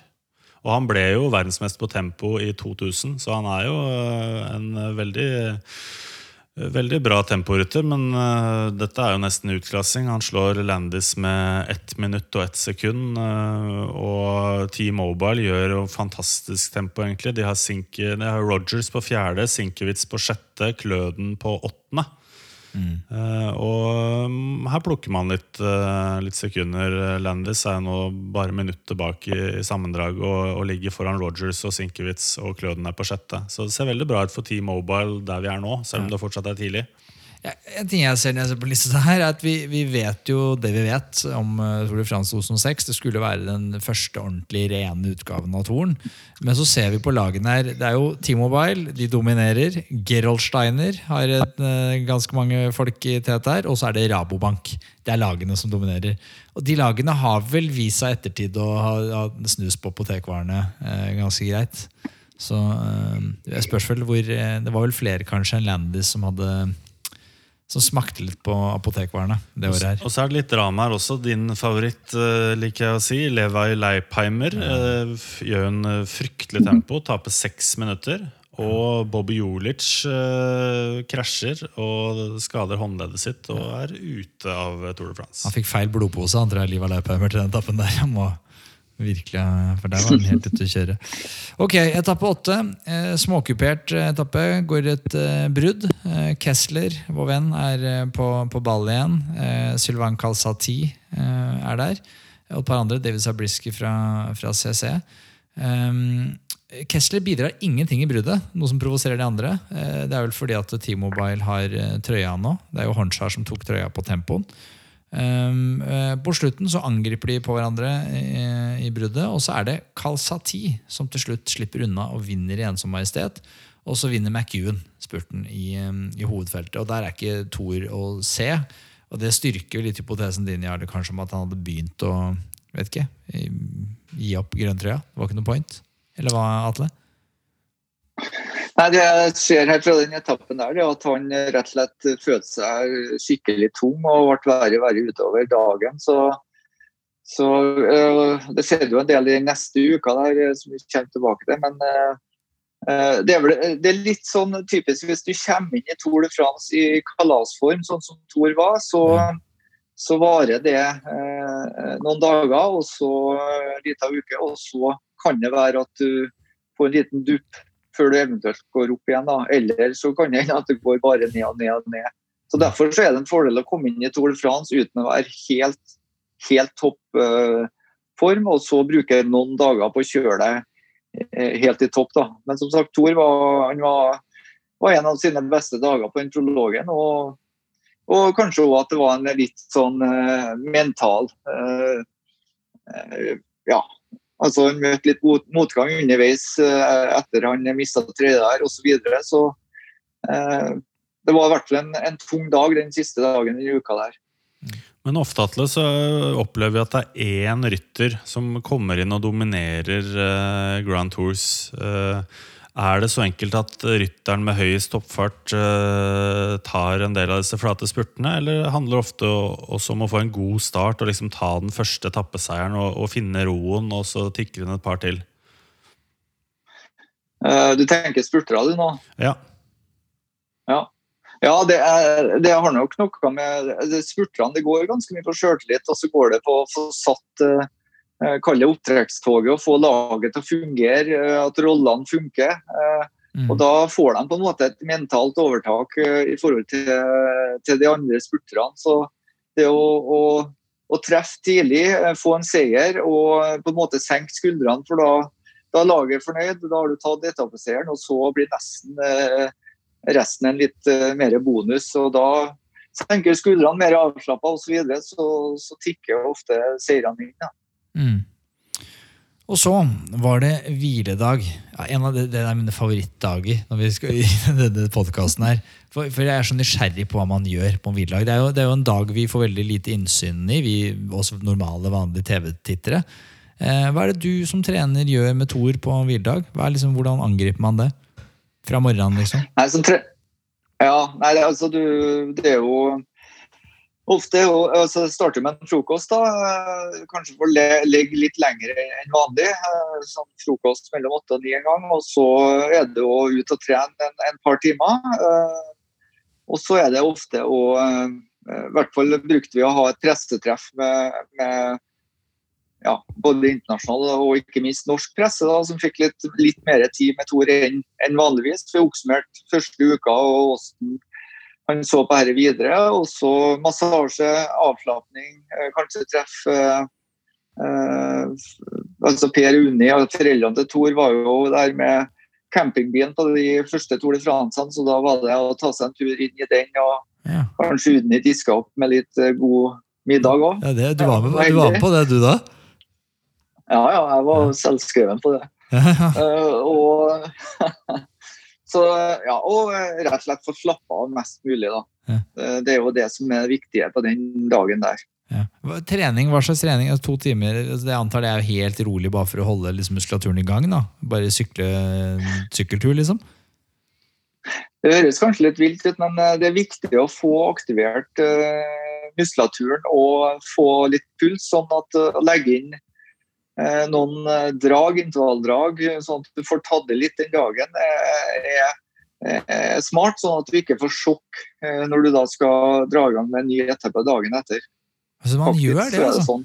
jeg tenker sånn at hvis, hvis det er én etappe jeg kunne hengt med Tor og gjengen, så ville det vært hviledagen. Kunne jeg kommet ned med bysykkelen og så kunne man ha tatt den, hengt meg på, lagt meg i dragsuget. Men det, det hadde jeg ikke klart. altså. Jo, det, altså, det kjøres veldig rolig mellom, men, eh, men, eh, det å få, ja, få ta det litt det er sånn at, eh, for Hvis ikke kan kroppen fort komme ut av rytmen. rett og slett. Du er vant med å konkurrere. Husk de hadde 33 timer med konkurranse den første uka, altså konkurransetida. Så, mm. og da, Hvis du da slipper helt ned en dag, så, så får rett og slett kroppen sjokk. Ja, ja. Nei, vi får hoppe videre etter hviledagen. Etappe ni går fra Bordeaux til Dax. Eh, paddeflat etappe til. Dette er jo da siste sjanse for spurterne ettersom Pyreneene eh, står for tur dagen etterpå. Eh, og her igjen Jarle, så er det brudd som går, men feltet er fast bestemt. Her skal det bli massespurt. Eh, hva er det som skjer her? Nei, eh, Bowen eh, åpner tidlig, kanskje for tidlig. Freire venter. Eh, og McEwan sitter og venter på hjulet hans igjen. Men idet Freire går til, så mister McEwan hjulet hans og er nødt til å gå rundt og ut i vinden. Og det blir en veldig tight duell mellom Freire og McEwan, men den spanske katta er noen millimeter foran og tar sin andre tappeseier så langt i rittet. Tor Hushovd helt ned på tiendeplass. Hva, hva skriver Tor, eller hva står det i dagboka her, eh, Atle? Jo, Han sier at han føler seg litt bedre i dag enn han gjorde for to dager siden, men mangler rett og slett trykk i, i spurten. da. Mm. Så ja, så han eh, ja, rett og slett har, hadde ikke, hadde ikke trøkken, men som han skriver sjøl. Og så hopper vi inn i Pyreneene. Fjell. Eh, dette er jo ikke noe som eh, Thor syns er så stas, eh, antar jeg. Hvordan, hvordan forberedte dere dere til en sånn type etappe, eller sånn type etapper? Ja, På den tida her, da, når Thor var den rytertypen han var, altså mer enn spurter, så var det om å komme gjennom de fjelletappene så billig som mulig. Det vil si rett og slett Eh, kom i ei god gruppe. Eh, gjerne grupper gruppa før det som kalles for bussen, der alle de mm. store spurterne sitter, så har litt å gå på.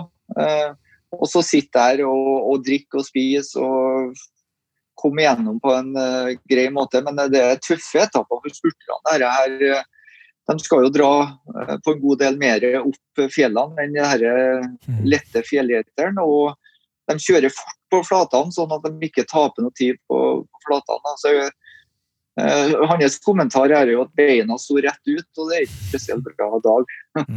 Nei, fordi, men det, det, du sier er interessant. Dette nevnte, nevnte snakka vi både med, vi både med, med Edvald og, og Alex eh, om. Og det må legge seg Jeg føler at Er ikke det litt dårlig gjort? Burde man ikke heller bare gått ok, alle vi, altså Hvis vi lager en stor nok gruppe, stor nok gruppetto, så kan jo ikke arrangøren kaste oss ut. Hvis alle profilene, alle spurtprofilene sitter der, så da er vi safe. Men så er det da noen som bestemmer seg, sånn som da du sier at Thor eh, spekulerte her òg, som skal legge seg liksom en gruppe rett foran. Og da gjør det det enda tyngre for de som ligger i gruppettoen. Hvorfor går ikke, Det første jeg hadde gjort, jeg hadde organisert. Jeg hadde vært, en sånn, eh, sånn LO eh, for spurterne. Så det er organisert altså at nå skal vi kjøre dritsakte. Vi skal ta det ordentlig lugnt med ro, og så skal vi nåde ASO hvis de prøver å kaste oss ut. Men ja, nei, det, nei men det, det, det, er en solidaritet i feltet, og spurterne holder gjerne sammen så at gruppa blir stor. Uh, men det er alltid en tidslimit de må forholde seg til. Det er En liten, liten artig historie der med, Det var faktisk siste uh, året jeg kjørte uh, Tour de France sjøl, i 90, 94. Da var jo sånn, jeg var jo sånn OK i fjellene, som Jarle sa. Satt ofte i de første gruppene der, men i 94 av en eller annen grunn så satt jeg i bussen sammen med disse svære kanonene. Da. Det var nok litt annet drivstoff enn de fleste andre. Så, og der var det opp til eh, toppen av et fjell. Eh, jeg husker jeg søren ikke på hva det var en gang, men i hvert fall så, eh, så var det sånn at da satt vi i bussen, som vi kaller det, og grønne trøya satt der. Og vi visste, eh, vi så på klokka at vi ikke klarte tidslimiten. da. Ja. Så da, eh, da, var det om å holde seg samla, som du sier. At, da var vi jo en 60-70 mann der. Eh, hvis vi holdt oss samla med grønn trøye, så da kan de ikke ta oss ut. Det var én rytter som var kjempestressa. Ja. Det var unge Dag Otto Lauritzen i gangen, så han støta fra oss. nei, nei, nei. Han kjørte fra. Han kom foran, to minutter foran oss til mål og klarte tidslimiten. Ja. Og han masa resten av Tour de France på at han mente at vi andre skulle ha vært tatt ut av løpet. da. Ja, ja, ja. Så, han var ikke solidarisk på den tida? Uh... Ja, Det var han ikke solidarisk. Han kjørte, kjørt fra oss. Han kunne gjerne vært med, men var, da var det om å holde seg sammen. Ja, ja, ja. Ja, jeg må bare dra oss litt inn eh, i denne første etappen i Pyreneene. For den er litt spennende. Eh, det er fire kategoriserte stigninger. Det er den første HC-kategorien, Col de Soudé. Og så er det Col de Marie Blanc, og så er det relativt lettkjørt inn mot mål. Så det er en god eh, sjanse for gutta som går i brudd. Og nå har vi snakka litt om Thor. Han er faktisk i et brudd på 15 mann tidlig på etappen. Eh, men han er en av de som slipper seg tilbake til feltet etter hvert. Men eh, vinneren av etappen og personen som faktisk kjører seg inn i gul trøye, de sitter i den gruppa. Og de, de holder jo da hele veien inn. Og så er det også T-Mobile, som eh, har eh, han Gonshar i gul ledertrøye. De på et punkt der så bare fjerner de seg fra, fra, fronten av feltet og signaliserer i dag så får du gul trøye til halv pris. Eh, men det er ingen av disse andre konkurrerende laget som har noe spesielt behov for å sitte og trekke foran der, og da blir det jo selvfølgelig kjempeluke framover, og så må Team Mobile litt sånn eh, motvillig fram til slutt. Eh, og så På slutten av etappen så blir det et spurtoppgjør mellom Juan Miguel Mercado fra Agritubel og Cyril Dessel fra Age des R. Mm. Eh, Mercado tar uh, etappeseieren. Cyril Dessel er ny mann i gul uh, ledertrøye. Og så er det også et lite frampek der ved at Mikael Rasmussen mm. begynner å sikre seg noen uh, klatrepoeng. Og han har jo selvfølgelig ting han skal begynne å gjøre når vi nå er inne i Pyreneene. Ja, for spørsmålet er, Tester han favoritten litt der? Jeg tenker Kanskje jeg kan vinne. Han hadde jo hensikter uh, året etterpå, uh, som vi husker. Men, men ja, han prøver seg litt og kommer men det blir vel, han blir vel tatt igjen, så hovedfeltet kommer til slutt samla eh, tilbake. Jeg tror vel han sitter greit i hierarkiet under Menshov, men uh, ja. Han, mm. uh, det er nok klatrepoeng først og fremst som er hans motivasjon. Etappe 11. Endelig. Første bakketoppfinish. Og her Monster. også er, er, det noen saftige fjell de skal over. Hvilke er det, Jarle? Col de Tourmalet, Col d'Aspin, Col de Perisourde, Col de Portillon. Og så målgang på 1860 meter i Pla de Barret. Ja, Da tenker jeg Hushovd, når jeg ser denne etappeprofilen her, da er han happy, eller hva, Atle? Her, eh, Ja, spesielt med en sånn, sånn dag som han hadde dagen før. Så nei da, det var nok en, nok en, tung dag. Det, det som òg skjedde her, var jo at han eh, begynte å eh, ja, rett og slett begynte å hoste en del og kjente en del i brystet, Så han var egentlig litt, litt småsjuk eh, i perioden her og hadde en, en marerittdag eh, faktisk og, og sleit veldig. da. Så han så nok ikke fram til den etappen her, nei. Nei. Eh, Det blir satt tempo her. Rabobank angriper. Først med Rasmussen, så med Bogerd. Og så Bogerd setter opp et tempo som gjør at stort sett alle faller av. Eh, Så til slutt opp sistebakken så sitter igjen en tetgruppe bestående av Cad Levens, Floyd Landis, Levi Leipheimer, Dennis Menshoff og Carlos Sastre. Eh, Og så er det Leipheimer, min mann, som angriper. og Da faller Evans og Sastre av. Mm. Men Menshoff og Landis henger med til toppen. Og så er det Menshoff som tar etappen foran Leipheimer og Landis. Men det gjør jo at Floyd Landis for første gang eh, i 2006 eh, kler seg i gul trikot. Um, Og det er jo faktisk en veldig dårlig etappe for Team T-Mobile. De hadde jo gul trøye, ga fra seg den, og hadde jo nå ganske mange ryttere som satt veldig godt plassert i sammendraget. Så ender det med at Kløden må gi fra seg halvannet minutt. Rogers tapte over tre minutter, og enda verre jo lenger ned på, på listene du kommer. da.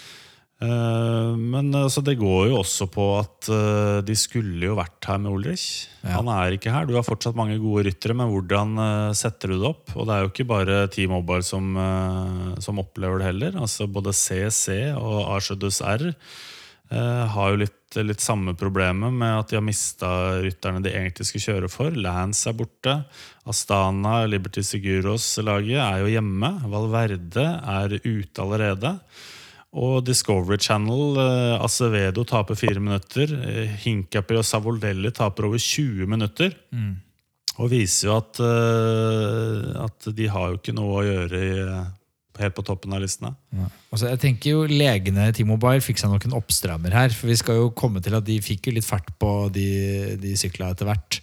Og så kan jeg nevne, Du nevnte jo Husodd Atle i mål som 161 av 163 som fullførte etappen. Så ikke noe god dag for uh, Grimstad-oksen. Etappe 12, første dag etter Pyreneene. Eh, så mange håper kanskje på en eh, rolig dag. Men, men det er vel veldig få rolige dager i Tour de France, Atle. Det var både på 90-tallet og i 2006. Ja, eh, det er jo noen etapper er jo roligere, selvfølgelig. eh, Spesielt fra, fra starten av. Men, eh, men på denne etappen her så var Tor med i et brudd, ser jeg, og, som ble kjørt inn, ja, riktignok. Ja. Det jo var varmt og, og hadde enda litt mer, mer trykk i spurten. Da. Så, men vi ser jo det at det er jo veldig kontrollert mange av etappene i Tour de France de siste årene, der uh, sammenlagtlagene slipper av gårde en tre-fire mann i brudd nesten bare de letter på ræva, som jeg kaller det. Altså, Så de rykker én gang, og så er- brudet av gårde. Og det er jo ganske kjedelige etapper. Eh, Det er jo mye mer eh, fres over det når det, er- når det er støtecup en time eller to før bruddet går. Det er jo det som er skikkelig sykkelløp. Ja. Her, er- dette er jo Bastilledagen, altså 14. juli, franske nasjonaldagen. Så her er jo alle som kan en fransk glose, skal jo helst i bruddet. Eh, og da blir det vel ekstra kamp. Eh, vet ikke om du, du husker det, Atle, at Bastilledagen ofte var sånn ekstra fight? Jo da, og det er klart for en franskmann å vinne på, på den dagen er jo, er det optimale. og Hvis en da i tillegg har den franske mesterskapstrøya eh, og kan vinne på nasjonaldagen, så er det klart det, det er jo det omtrent det største en franskmann kan oppnå. Ja. Men så er det et brudd som får gå her. Ja, det er mange forsøk, og i et av de tidlige forsøkene sitter både Tom Bowen og Robbie McEwan. Og der mener Bowen at McEwan ødelegger fordi han eh, ikke er med og går ordentlig rundt. Altså Han kommer først på rekka og trekker ikke ordentlig. Så der er det sure miner mellom Bowen og McEwan.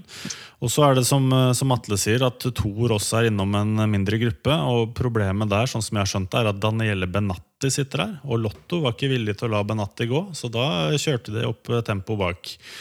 Og så er det etter hvert eh, ni mann som får gå. Eh, Hinkepy, Jens Vogt, Moncotier. Eh, men så begynner Milram og Borg Telekom eh, å øke tempo, og da blir det her også henta inn. Og så er det endelig, da, etter ti mils støtecup, som vi pleier å kalle det, Atle, så går bruddet med Popovic, Freire, Ballan og Lemevel. Så spurterne er jo er jo, er jo toneangivende her. Og McEwan er ikke fornøyd med at Freire går igjen. Altså han prøver å gå etter fra feltet, men det klarer han ikke. så han blir ikke med. Og da har vi fire mann. Og så er det Fonak som kontrollerer feltet for Landis. Ja.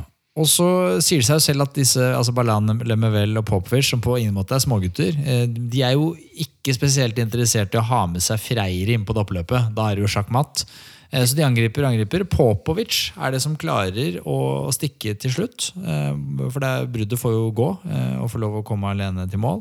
Og så er det Popovic som vinner etappen. Jaroslav Popovic, Atle, jeg må bare ta det med en gang. Jeg, jeg husker han fra den tiden her som han var liksom et av de store nye talentene. Han vant vel ungdomstrøya var det det året her. Jeg husker ikke, Han vant ungdomstrøya i hvert fall ett år. Og ble jo sett på som potensiell eh, Tor-vinner i fremtiden. Eh, hva husker du av Popovic, eh, Atle? Ja, jeg husker akkurat det du sier. Han var, ja, han var en, en, som vi så for oss kunne være med å kjempe om, om seieren i, i, Tour de France. Og så skjedde jo ikke det. Utviklinga flata ut og ble jo etter hvert brukt som, som hjelperytter òg. Så han fikk jo på en måte ikke ut det som vi, vi trodde han kunne være potensiell til, til å gjøre. Da. Men eh, han, var, han, var, jo en kjempegod rytter for all del, og har jo mange ja, både gode seire og gode plasseringer. Men eh, jeg husker ham best som en, som en, av de beste hjelperytterne. Ja. Det er Tom Bonden som vinner spurten i hovedfeltet. Toer på, på tiendeplass. Um, og nå har vi Landis i gult. Skal vi ta og snakke litt om dette Fona-klaget? Ja. Uh, lageieren her, Andy Riss, har jo senere eh, tatt kontroll over BMC Racing. Nå er han død. Han fikk kreft. Men ja. eh, han uttalte i et intervju med Velo News eh, for noen år tilbake at selskapet hans hadde blitt verdenskjent pga. sykkelsporten. Fonak er jo produsent av høreapparater. og ja. Eh, hjelpemidler for de som eh, ikke hører så godt. Og han sier også at dopingskandalene ikke på noen måte hadde dempa den effekten. Og til The Guardian så går han så langt som å si at han var glad for at doping var en del av sykkelsporten, for det skremte bort de største selskapene, og dermed tillot selskaper som hans eget til å ta seg råd til å bli med. Ja. Og han har jo også hygga seg som eh, sjef i Fonac med å signere Landis, da, Santiago Botero, Tyler Hamilton, Oscar Sevilla. Han forsynte seg, han, av dopfatet. Og så hadde han mange sveitsiske ryttere og en del tyskere som han ville hjelpe opp og fram. Eh, og i 2004 så var jo planen at Tyler Hamilton skulle vinne Tour de France for Fonak. Mm. Men han eh, krasja ut ganske tidlig og ble senere, senere tatt for bloddoping. Ja. Og det var også fire andre ryttere som ble etterforska for doping i Fonak det året. Og mm. nå har man jo Landis da, som den nye kapteinen. og Prinsen. Foreløpig så går det jo bra, men det var, det var jo ikke noe sånn lag med veldig godt rykte her, Atle? Nei, det var jo ikke det. og det gikk jo det gikk masse rykter, som du sier, og det, med den sammensetninga så, så, så det jo ikke spesielt uh, bra ut. En litt spesiell måte å tenke på i forhold til sponsing, vil jeg si. Ja. Som du refererte der. Det var litt spesielt. Jeg, hvem er jeg hvem er vite å si at det er feil? Det kan han har rett, men, det, men, jeg er enig med deg. Det høres, eh, Jeg vet ikke om det er positivt å ha en sånn dopingskandale forbundet med navnet sitt. Altså. Jeg tror man bør prøve å unngå det. Eh, etappe 13. Eh, den lengste etappen det året her. Småkupert. Og dette er jo etappen som skal vise seg å bli helt avgjørende for sammendraget dette året her. Fordi det går et brudd. Og det, I det bruddet så sitter eh, Jens Vogt, eh, Sylvain Chavanel, eh, Coyot, Quinzato og Grivko. Og så sitter det en mann der med navn Oscar Pereiro. Jeg tror han het Sio. Ja. Oscar Pereiro Sio, Men han har tydeligvis kutta det Sio-delen av navnet sitt. I Spania så har du etternavnet både til far og mor, ja. men det er ofte det første etternavnet som man refererer til, altså Oscar Pereiro. Riktig. Eh, men hovedfeltet da, med Fonnak i spissen, det er jo Landy som har trøya, de anser ingen i det bruddet her som en trussel i sammendraget, så de får gå. Og de får gå noe innmari. For det er Oscar, Oscar Pereiro som er beste plassert i sammendraget. Men han ligger jo da 28 minutter og 50 sekunder bak Landis. Men Fonnak har jo et som du nevner, liksom spesielt lag, og ganske svakt lag, så de ønsker jo ikke å forsvare trøya. Så de vil, det kan se ut at de vil at Pereiro skal, skal ta trøya fra dem med, med liten margin. Så bruddet får avgjøre etappen seg imellom. Og en av mine absolutte favorittfolk. Jeg har jo to sånne som jeg digger eh, fra min ungdom. Da. Det er jo Jens Vogt, og så er det, er det Thomas Feuclair. Og her er det da Jens Vogt som er i kjempeslag. Eh, så han angriper. Eh, og Pereiro er slutt den ene som klarer å henge med, men Vogt blir for sterk, og han vinner. Og Pereiro på andreplass. Jens Vogt, jeg må bare, når vi først har han, for en nydelig mann. Hva syns du om han, Atle? ja, Eh, Første gangen jeg ble kjent med han var faktisk i, i eh, 95. Det var når eh, Ole Sigurd Simensen vant uh, Tour de Normandie. Da ble Jens Fugt nummer to. Ja. tyske landslaget. og da var han allerede da utrolig sterk. han var jo en, en som mosa i stykker konkurrentene, egentlig. Han Utrolig offensiv rytter. Og i brudd så han sto jo aldri over ei føring. og på den måten så han bare sleit ut dem som var med i bruddet. De syntes jo dette var en plage etter hvert. og ja, Han har jo en utrolig karriere bak seg. Eh, og, og, ikke minst en, en, eh, veldig sympatisk type. da. Ja, ja. Det, det, er bare shut up legs, og så er det bare å gi gass. Altså. Han gir seg ikke, han. Eh, men det gjør jo at Oscar Pereiro Jarle, han tar den gule trøya med 1 minutt og, og 30 foran Floyd Landis. Eh, og det var det lurt av Fonak. Eh, var det Altså, Jeg forstår egentlig ikke hva de holder på med. Det er veldig lett å si det nå. da. Men hvis vi skal ta litt sånn fakta, så er jo det her det er jo i etterkant av Pyreneene. Det er den lengste etappen i årets Tour de France. Det er grisehett. Oscar Pereiro er jo skuffa, for han tapte uforholdsmessig mye tid i Pyreneene. Lå helt nede på 46.-plass i sammendraget. Ja. Det var ikke planen hans. Så når han bare kaster seg et brudd der, så er det jo bare for å prøve å rette opp litt av inntrykket. For han har jo starta veldig dårlig. Uh, og, og, så altså jeg, jeg, skjønner ikke helt hvordan de vurderer det her. Fordi, Nei, det fordi Oscar, Oscar, Pereiro er ikke noe er ikke noe dårlig rytter. Han, I 2005 så hadde han en veldig god sesong. Vet du hvor han sykla da? Fonak. Så dette er en rytter de kjenner godt til. Han vant etappen mot Gap i Tour de France. Han kom til mål sammen med Sabier Sandio, Eddie Massoleni og Kedel Evans. Han tok andreplassen bak George Hinkeper på Pla Dadé i eh, dagen i forveien og ble sjettemann i Baskeland rundt og gjorde det bra i Ardennene. Han ble nummer sju i sammendrag under Tour de Romandie og ble kåra til den mest aggressive rytteren under 2005 Tour de France. Men de andre lagene også la jo dette skje. altså De la jo på en måte Fannak surre det til. De altså, skulle tro at T-Mobile og de, de, lagene som er solide lag, da, på et eller annet eh, tidspunkt skjønner at dette her funker jo ikke. Vi kan ikke la, vi kan ikke la mannen få 30, eh, altså vi kan ikke la bruddet vinne med 30 minutter. Det går jo ikke an en halvtime. Jeg tenker at uh, Oscar Pereiro er det uh, to, Thomas Veuclair var i 2010 Tour de France. Altså en uh, klovn og en idiot som de bare lar slippe av gårde. Som kan få lov å sole seg i glansen. Som man uansett tar igjen før vi nærmer oss Paris og det, og det virkelig blir alvor her. Men uh, jeg vet ikke, hva tenker du, Atle? Altså, han er jo ikke noe, han er, han er ikke noe dårlig rytter.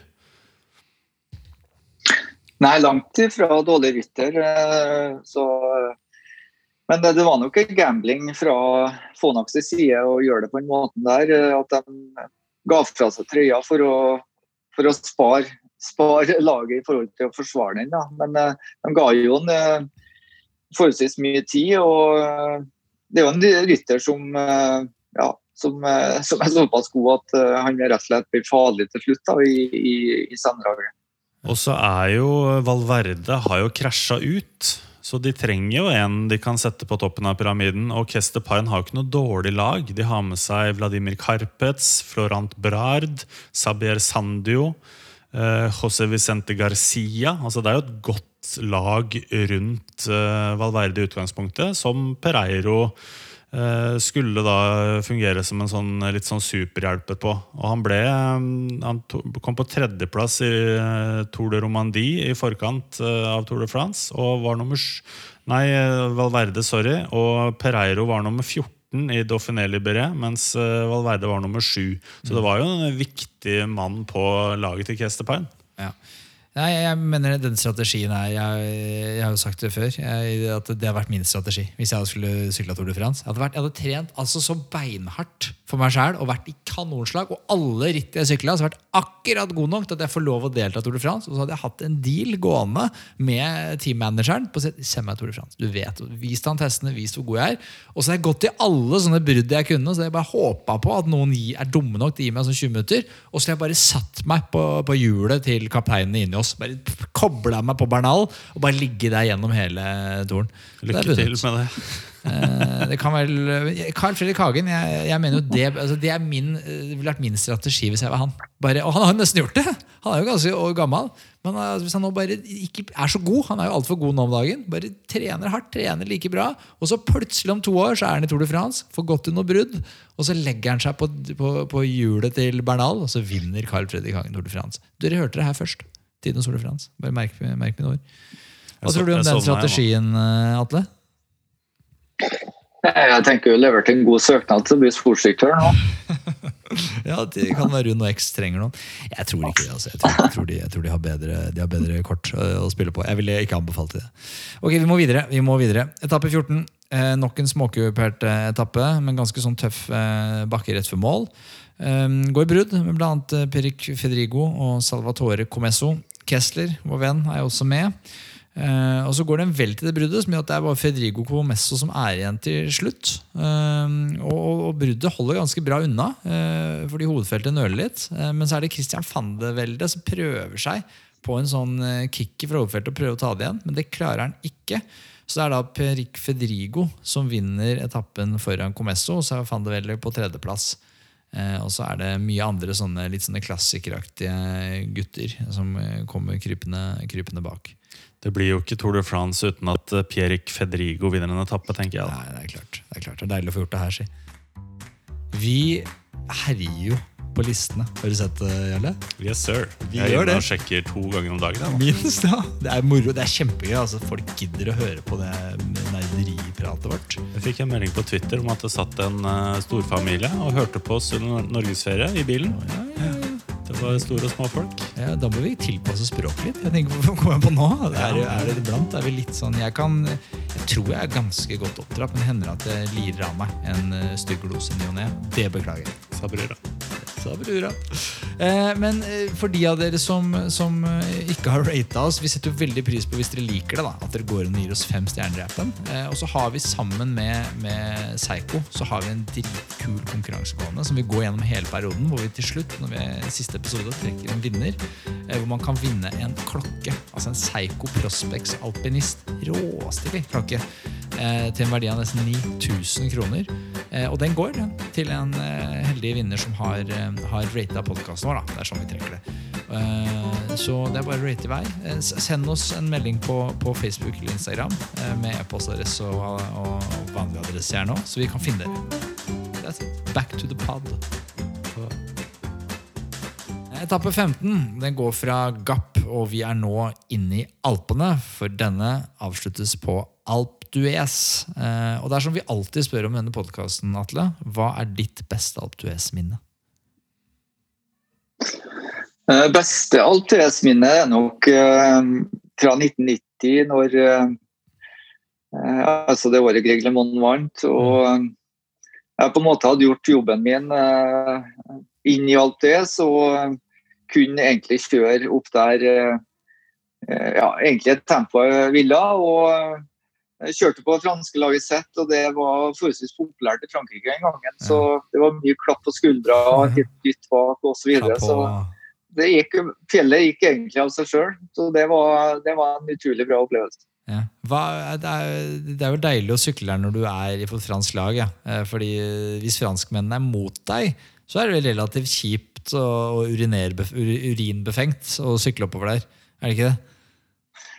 Ja, det, du tenker på Froome, selvfølgelig. Ja, det, det, er jo, det er jo usoselig og ufint. og eh, det er, det er jo ikke Frankrike verdig, tenker jeg. da. Eh, Så, men de, de, er sjåvinistiske, og det er klart et fransk lag som er med å, å, å dominere Frankrike rundt Tour de France, det, da, da, det, da, er det litt småkonger i feltet, og ikke minst blant publikum. Ja, ja. Det er jo mye nordmenn blitt etter hvert. Det var kanskje ikke så mye nordmenn der i 1990? Nei, det var ikke det. var tilfeldige, tilfeldige sykkelinteresserte, spesielt sykkelinteresserte, eventuelt noen som var på ferie og fikk seg en liten opplevelse, for de visste ikke at Tour de France gikk der. Så det var veldig tilfeldig, egentlig. Ja, Det er smell hvis du skal ha en rolig fjellferie og så legger du den til Alpe d'Huez midt under Tour de France. Det, det, det er innenfor en treat. Um, ja, men eh, det blir jo spenning. Det er jo alltid spenning opp Alpe d'Huez, eh, Jarle. Ja, det er jo så mye som skjer her, så jeg vet ikke helt hvor jeg skal starte. Men uh... Det går jo tidlig brudd, da. Der bl.a. Frank Slekk og Konego eh, sitter. Og så er det i hovedfeltet er det Iles Badiage, eller Kester Pern som de het etterpå, uh, som uh, må forsvare trøya til Oscar Pereiro. Det sliter de litt med, så etter hvert så får de hjelp av T-Mobile og Fonac. Og i bunnen av Alp d'Huez så setter Fonnak Fonak fram folk. Eh, og de hadde jo bl.a. en rågod hjelperytter for Landis på den tiden som het Aksel Merks. Altså sønnen til Eddie Merks. Eh, og det gjør at folk faller av. Til slutt så sitter det kun en liten gruppe bestående av Landis, Menshov, Kløden og Kessler. Um, Kessler var i bra form. Han var i slag, altså. Leipheim og Sastre klarer liksom å komme seg opp, mens Evans han er ferdig her. Og så sprekker Menshov ferdig. Han hadde vært så god form i Pyreneene. Eh, men foran så er det Slekk og Konogo det, det, det står, som står igjen fra det originale bruddet.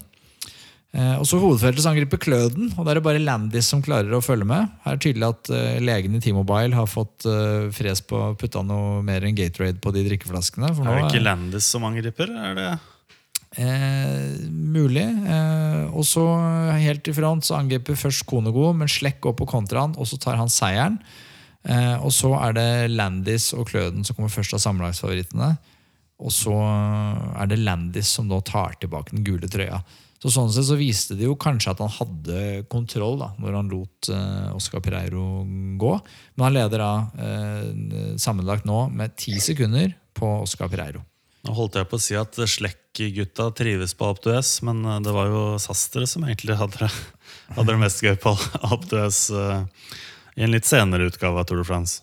Det er riktig. Men fin skalp for Frenk, da. Imponerende. Han viser jo lovende form han, for det som skal komme. Uh, etappe 16. Vi er jo fortsatt i Alpene. Nok en uh, bakketopp-finish.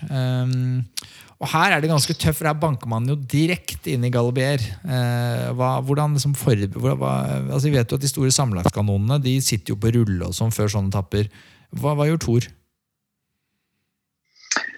Eh, nei, det er jo eh, Det er viktig å, å få i gang føttene før eh, du går inn i en bakke. Det er jo liksom skrekken for disse spurterne hvis det går full fyr i, i første fjellet når det er med en gang. for da da mister de jo tid allerede der, og da blir det en lang etappe. Så det, det, det er viktig ja, å være oppvarma, hvis vi kaller det det. Så eh, det ble ikke brukt så mye ruller, ruller den gangen, tenker jeg. De, de mm.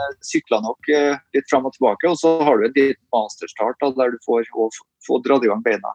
Ja, ikke sant.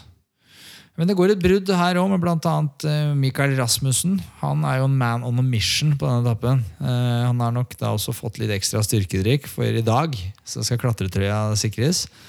Eh, ut i etappen så går Leipheimer også etter. Han har jo skuffa litt så langt. Han hadde nok høyere ambisjoner. Forsøker å hente Rasmussen. Og så når det er igjen om lag 30-40 km, så begynner plutselig Landis i hovedfeltet å sitte helt på halen. Eh, og man blir litt sånn usikker når man, eh, man ser på oss tittere. Eh, og det er jo Iles Ballar som kontrollerer sammen med T-Mobile. Hva, ja, hva husker du om dette? Jarle? Nei, altså, Jeg må jo si her at uh, Landis har en veldig dårlig dag.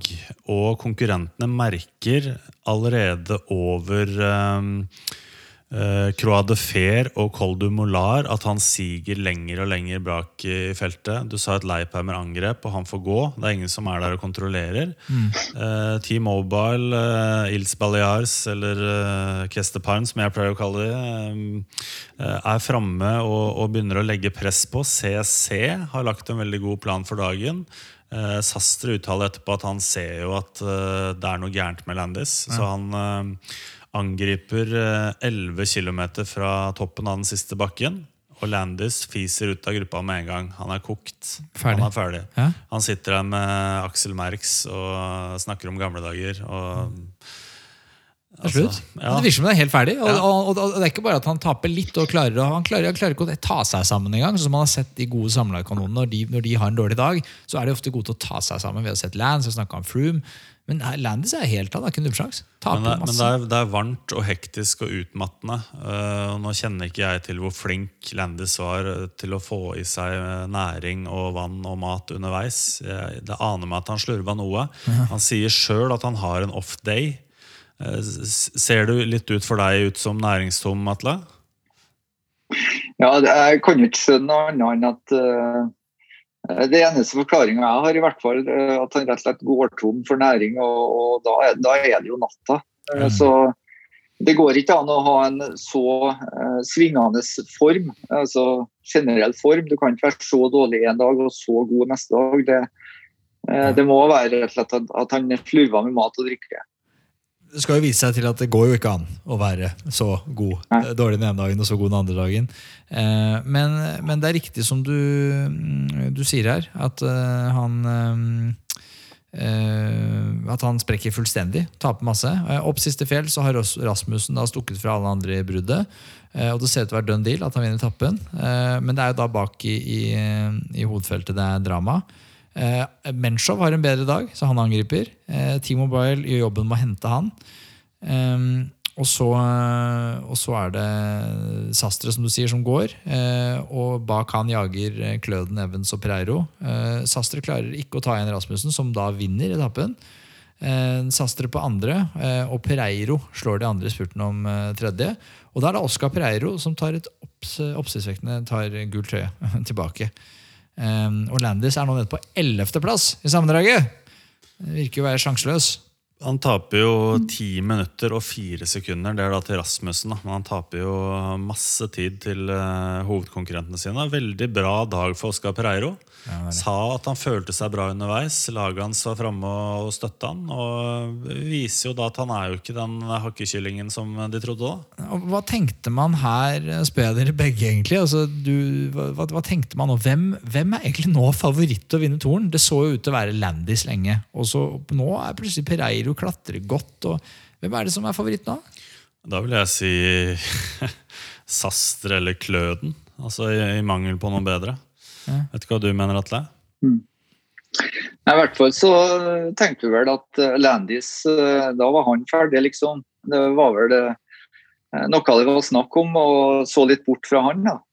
Mm. og så var det forholdsvis åpent, men altså, laget til Pereiro var jo som jeg alle sa her tidligere, var jo sterkt. Og det er jo en, en, stor styrke når du da går inn i de siste dagene av, av Tour de France. her da. Han eh, godeste Landis uh, fikk en tekstmelding fra Eddie Merks, altså pappaen til hjelperytteren hans, etterpå, der det visstnok sto You've lost the battle, not the war. Mm. Noe som skulle motivere Landis. Uh, altså Det er jo Pan, Paniagua der i gården, så der ble han gira på å slå tilbake. Ja, for så ja.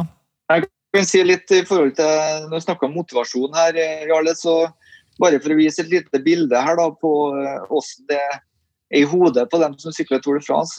For Tour sin del, da, som ute i andre uka så så, så han at den grønne trøya forsvant, kampen om den grønne trøya. og Da var det egentlig på en måte å prøve å spare mest mulig eh, krefter når det var mulig da, i de fjelletappene. Eh, selv om man var helt på stålet på, på en del av dem. Når han kom i mål på etappen her, så, så var han helt gåen. Men eh, som han skriver selv, ser snart Paris. sånn at eh, i hans hode, når han eh, begynte å nærme seg andre uka i Tour de France, eh, så var det ett mål han hadde i hodet, og det var så triumfbuen på Champs-Élysées. Og alt han gjorde hver eneste dag hvert minutt var rett og slett for å være optimalt forberedt og fysisk og mentalt til, det som kommer der. Da. Bare for å gi et bilde som, ja, at det ikke bare er en fysisk kamp, men det er, en, det er utrolig viktig å, å, ta kontroll på det mentale. Og hvor, Med din erfaring, som Tor Husov virker for meg, at han er jo ordentlig vinnerskalle. Eh, altså han, måtte, det var, og det, det, måtte gå igjen med andre som har fått det til. Men hvor viktig, hvor viktig er egentlig det mentale? Altså sånn, eh, er det eh, det fascinerer Man tenker jo eh, som TV-titter at det er den med best form som vinner. Altså Den som er raskest å spurte, den vinner. Den som er, har best utholdenhet, den sykler opp den bakken best. Men det er vel ikke så enkelt? Nei, absolutt ikke. Og det ser vi jo nå når de her virtuelle konkurransene er. ikke sant? De sitter og kjører på rulle og sånn. Så ser vi jo noen som er Han vinner jo alt. Han eh, vinner jo ikke, ikke dritt på veien.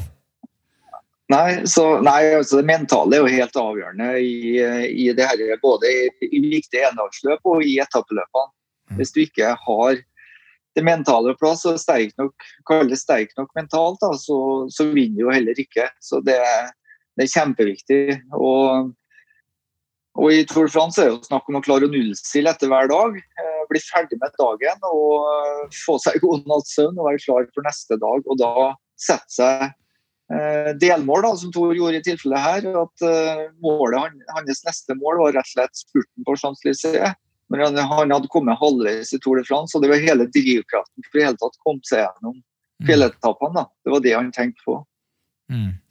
Ja, det, man må ha et tøft hode, men det hjelper også å ha en god lege. For eh, dagen etterpå, etappe 17, som går inn i Morsin, er jo blitt eh, i ettertid, eh, og her også underveis i 2006, da, en legendarisk etappe som man aldri kommer til å glemme. Det er da siste tøffe fjelletappe før Paris, så det er på en måte siste sjanse til å gjøre noe for sammenlagsfavorittene, med unntak av den avsluttende tempoen. Og, og her er det én mann som har ordentlig ordentlig onde hensikter. Og han, han, er klar for dyst. Floyd Landis. Ja, Fonak uh, har jo lagt opp en ganske dristig slagplan. de skal kjøre ganske høyt tempo ut fra starten. Og så skal Floyd Landis angripe sjøl ved den første av totalt fem kategoriserte stigninger etter om lag eh, en fjerdedel, fem mil, av eh, totalt 200,5 km sykling. Han forteller dette til et par gode venner før starten. Det er ja. ikke noe stress. Dave Zabriskie, CSC, ja. og George Hinkapi, Discovery Channel, får beskjed om hva som er på gang. Ja. Går høyt ut. Eh, så i bunnen av den bakken her så skal lagkameratene kjøre så hardt de bare makter. Så skal Landis angripe sjøl og deretter håndtere ting på egen hånd. Det går et brudd da på elleve ryttere, som, som, kanskje ødelegger litt for planen hans. jeg vet ikke. Eh, men etter at eh, Når de kommer til denne bakken, da, en, eh, hva er det for en? Det er det en tredje kategori? 14,9 km av 6,4 Det er nok enda tøffere. Enda tøffere enn det. Så, så holder jo Landis ord. Angriper. Får, får kortvarig selskap fra Kløden, Michael Rogers, Kate Evans, Carlos Astre og Dennis Menchov. Og så kjører han fra hele gjengen. De skjønner at dette funker ikke hvis vi skal sykle 150 km til i tempo her. så Det har ikke vi sjanse til. Så de tenker at han er jo utpå, han er jo, nå er han, kløner han det til. Nå kommer han til å sprekke som en uh, altså, Han har ikke nubbsjanse til å klare å holde unna. Nei, Det er ikke ulogisk at de, at de tenker det. Og så får han etter hvert selskap fra Patrick Sinkewitz, Daniel Rigi og Stuart O'Grady, som da har gått til dette bruddet. Han kjører av de også etter hvert, selvfølgelig. Og over neste topp da, så sitter Pereiro omtrent isolert, har med seg én lagkompis ved siden av. Landis har halvert forspranget opp og leder med 4,5 minutt på hovedfeltet. Uh -huh. Man on the run, man yes. on a mission. Og så er det disse CC-gutta, Slekk og Sastre, som driver og angriper i hovedfeltet. Eh, og så er det til slutt Sastre som på en måte jager eh, litt etter Landis. Det er ingen andre som klarer å følge han, så han også tar litt tid der. Eh, og ned fra Chouplan, som er da siste fjell før, før, mål, så er det en ganske tøff eh, nedkjøring. Og der kjører altså Landis som besatt. Tar jo alle sjanser, men klarer å holde seg på, på to hjul. Og så vinner han tappen altså så sinnssykt overlegent, med over fem minutter på, på Carlos Astre. Og så kommer Oscar Pereiro inn eh, syv, over syv minutter bak. Eh, han beholder trøya, fordi Landis var jo fullstendig sjanseløs dagen før. Ja. Men leder nå kun med 12 sekunder på Sastre og bare 30 sekunder på Landis. Og Landis er jo nå plutselig en favoritt pga. tempostyrken sin. Hva, hva, i all verden tenkte du her? Altså, hva tenkte folk? Hva, hva, var det noen rykter? Altså, hva, sa man her? Var, man, jeg mener husker at Landis ble hylla ja, når jeg satt og så det på TV. Ja, det var jo helt vilt å, å se på. Han var jo også aggressiv underveis. Eh, og så jo måten han reagerte på når han kjørte over mål. Også. Det var jo helt eh, spinnvilt kjørt. Eh, gode ryttere rett av hjul. og ja. det vi snakka om, var jo at det, det, er jo ikke mulig. Ja, det var det. Det er jo Panormal. Det er jo sånn som når ja, det er jo sånn som når Bjarne Riis var på sitt verste og den type ting. Så det ja. det, at, det, var på en måte Det var noe røyk. Eh, det, det røyk litt rundt han, og man snakka om det. At dette, dette lukter, lukter litt av. Men vet vi egentlig så mye om hva faktisk Floyd Landis har gjort og ikke har gjort? Han har vel innrømt en del etter hvert, men altså prøven som blir tatt underveis i Tour de France, eh, viser eh, tre ganger eh, så mye som er tillatt av testosteron i kroppen. Altså at han får tilført kunstig testosteron. Altså Det er ikke som han har slukt tre blodposer og altså, Jeg vet ikke. Hva, hva tenker du rundt det, Atle? Nei, eh, altså det som det var ryktene gikk på etter hvert, det var vel det som du er inne på, at man fikk tilført blod fra altså bloddoping som fra en periode der han hadde tatt testosteron. Da, at det, at det slo ut på den måten der. Ja. Uh, men uh, hvis verdiene var tre ganger så høye, så ja. I hvert fall så var han jo sinnssyk den, eh, den, dagen. Det er jo ikke mye tvil om det. Men Er ikke testosteron veldig, veldig bra for, eh, for, å komme seg av, for restitusjonen? Så er ikke det på en måte et veldig sånn Jeg, jeg er på ingen måte noe ekspert, men er ikke det ganske sånn fornuftig dop å ta? Eh, hvis du vil hente deg en raskt og raskere enn de andre? Ja, altså et parameter som Hvis du er veldig nedkjørt, da, så jo, kan jo ofte testosteronnivået være lavt. så Mm. Så det, det, er jo eh, I forhold til restitusjon så det jo, har det jo en effekt, ingen tvil om det. Det er vel litt det som skjer her. Dette er jo på slutten av Tour de France, hvor alle andre er så nedkjørt òg. Så det å liksom bare kunne hente seg litt bedre inn, det kan plutselig ha enorme utslag. Um, vil kan, jeg tro. Kan jeg ta en liten digresjon? Ja, absolutt, det er det jeg vi tenker, med her. Jeg tenker litt sånn soloprestasjoner i fjellene gjennom tidene. Mm.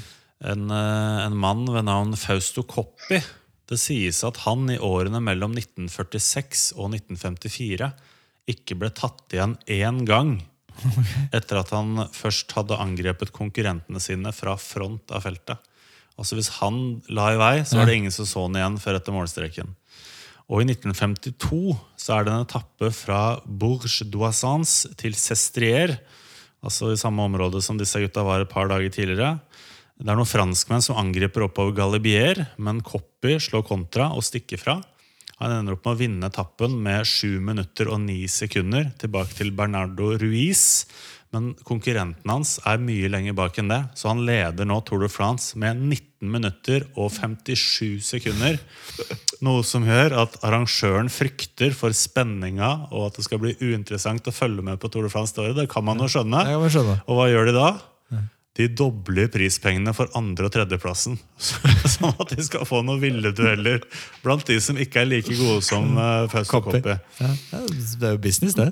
Og så er det en annen, annen prestasjon jeg har funnet fram. Det er en som heter Charlie Gaul, som sikkert Atle har hørt om. Han forteller Louison Bobet at han kommer til å angripe på etappens første fjell. Vi er nå på den 21. etappen i Tour de France det året. Det var forferdelig grisevær. Charlie Gaul holder ord, vinner etappen med nesten åtte minutter. Og avstanden til den eh, gule trøyen, båret av Vito Favero, er nå ett minutt og sju sekunder, for han lå ti minutter bak før etappen starta. Ja. Så er det en tempoetappe mellom Besançon og Dijon to dager senere, hvor han tar ytterligere tre minutter og 17 sekunder på Favero og vinner Tour de France sammenlagt. Ja. Det har jo vært skjedd før. Og så har vi også Chris Froome. Ja, for det var det jeg skulle Ja. til å si. At det, det jo, vi har jo sett lignende i nyere tid. Og det, hm, da, jeg, jeg, satt og tenkte sånn, jeg satt og så den etappen på, på, på YouTube, og så er det helt enormt, og Landis hylles, og fy flate for en prestasjon. Men det er for godt til å være sant. Og så begynte jeg å tenke Hmm, så gikk jeg, var det på en av de anbefalte videoene på siden var Chris Froome, 2018, Giro Italia Sestriere. Eh, ser jeg på den, og det er mistenkelig likt det som foregår. Er det, hvordan, hva, hva, hvordan skal vi tolke det? Er det bare at Chris Froome han, For han blir jo hylla fortsatt. og han, vi, vi tror jo ikke at han har, har Det er ingen form for bevis for at han har drivet dopa seg. Vært glad i astmamedisin, men det har jo hele langrennslandslaget drevet med i årevis, og vi gjør det jo fortsatt. Det er ikke noe gærent i det. Eh, hva tror vi?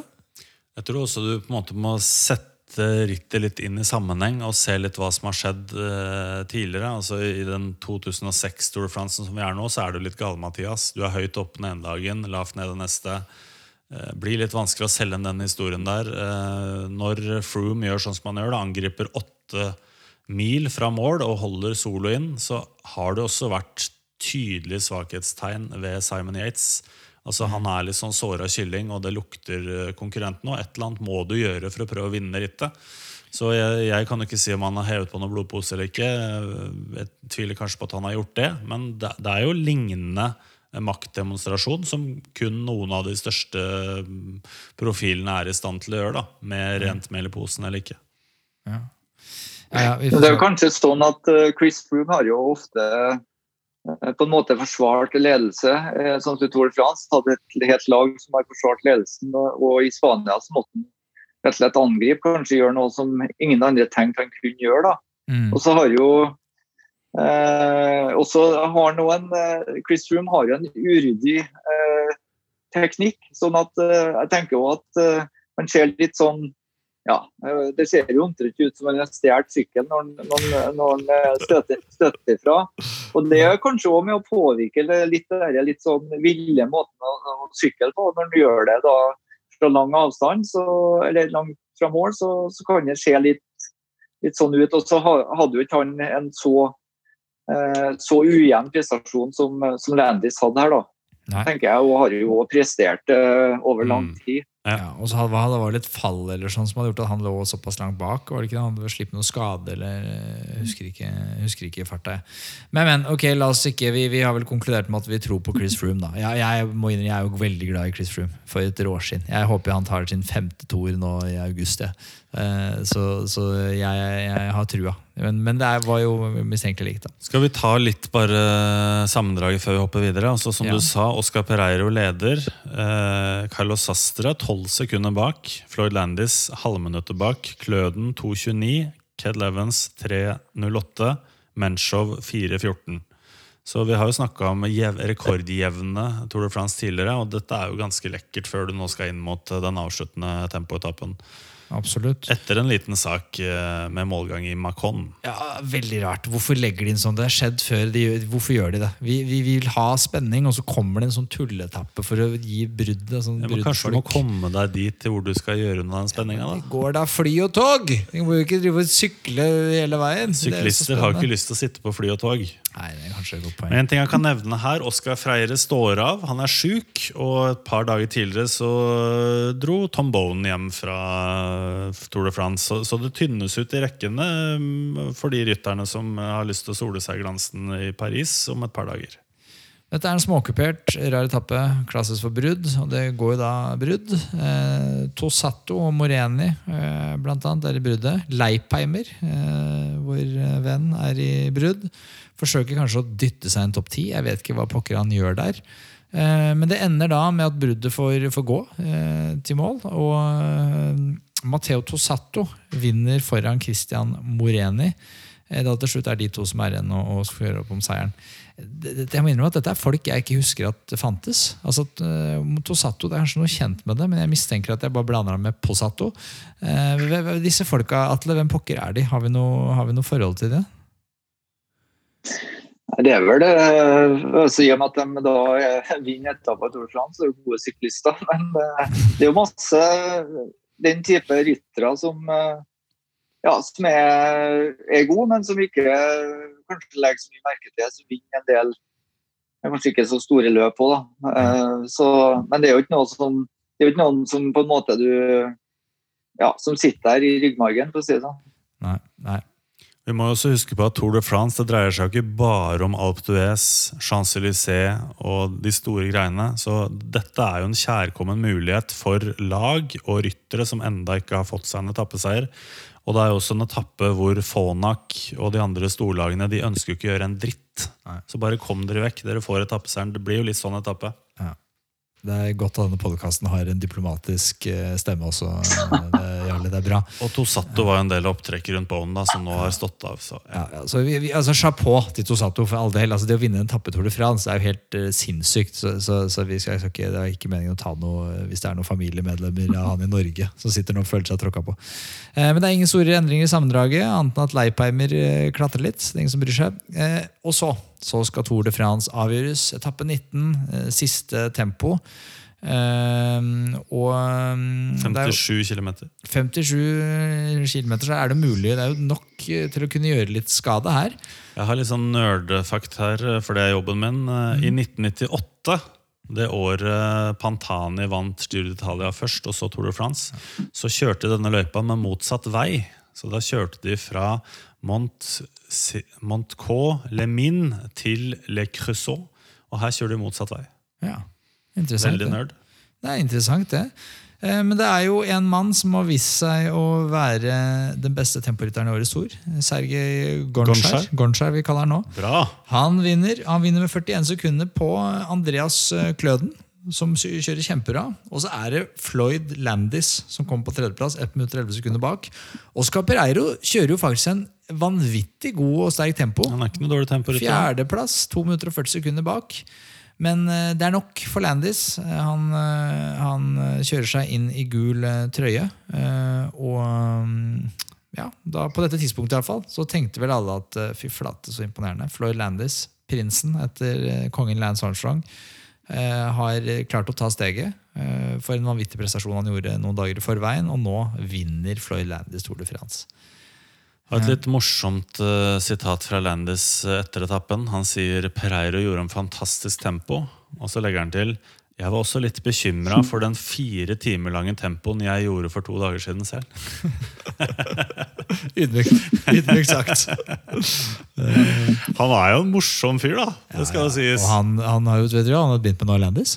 Han driver jo sånn, eh, starta i hasjbransjen i, i USA. Driver med hva heter det, Floyds og Leadville. Er det hasj? Selger de hasj? Marihuana. Ja, ja. De Tjener brannpenger. Fått det til. de. Burde over dit, kanskje er det vi skulle gjort i den podkasten. Reist over dit og så røyka som bønner med Landis. Da hadde det blitt uh, pod. Å gud, hold meg utafor det her. Ja, det får bli Jeg gjør ikke dette, mutter'n. Det er Nå er han helt ute på viddene. Nei, Før dette kommer helt ut av kontroll, så må vi gå til etappe 20. Eh, Antony til Paris, avslutning av Tour de France på Champs-Élysées.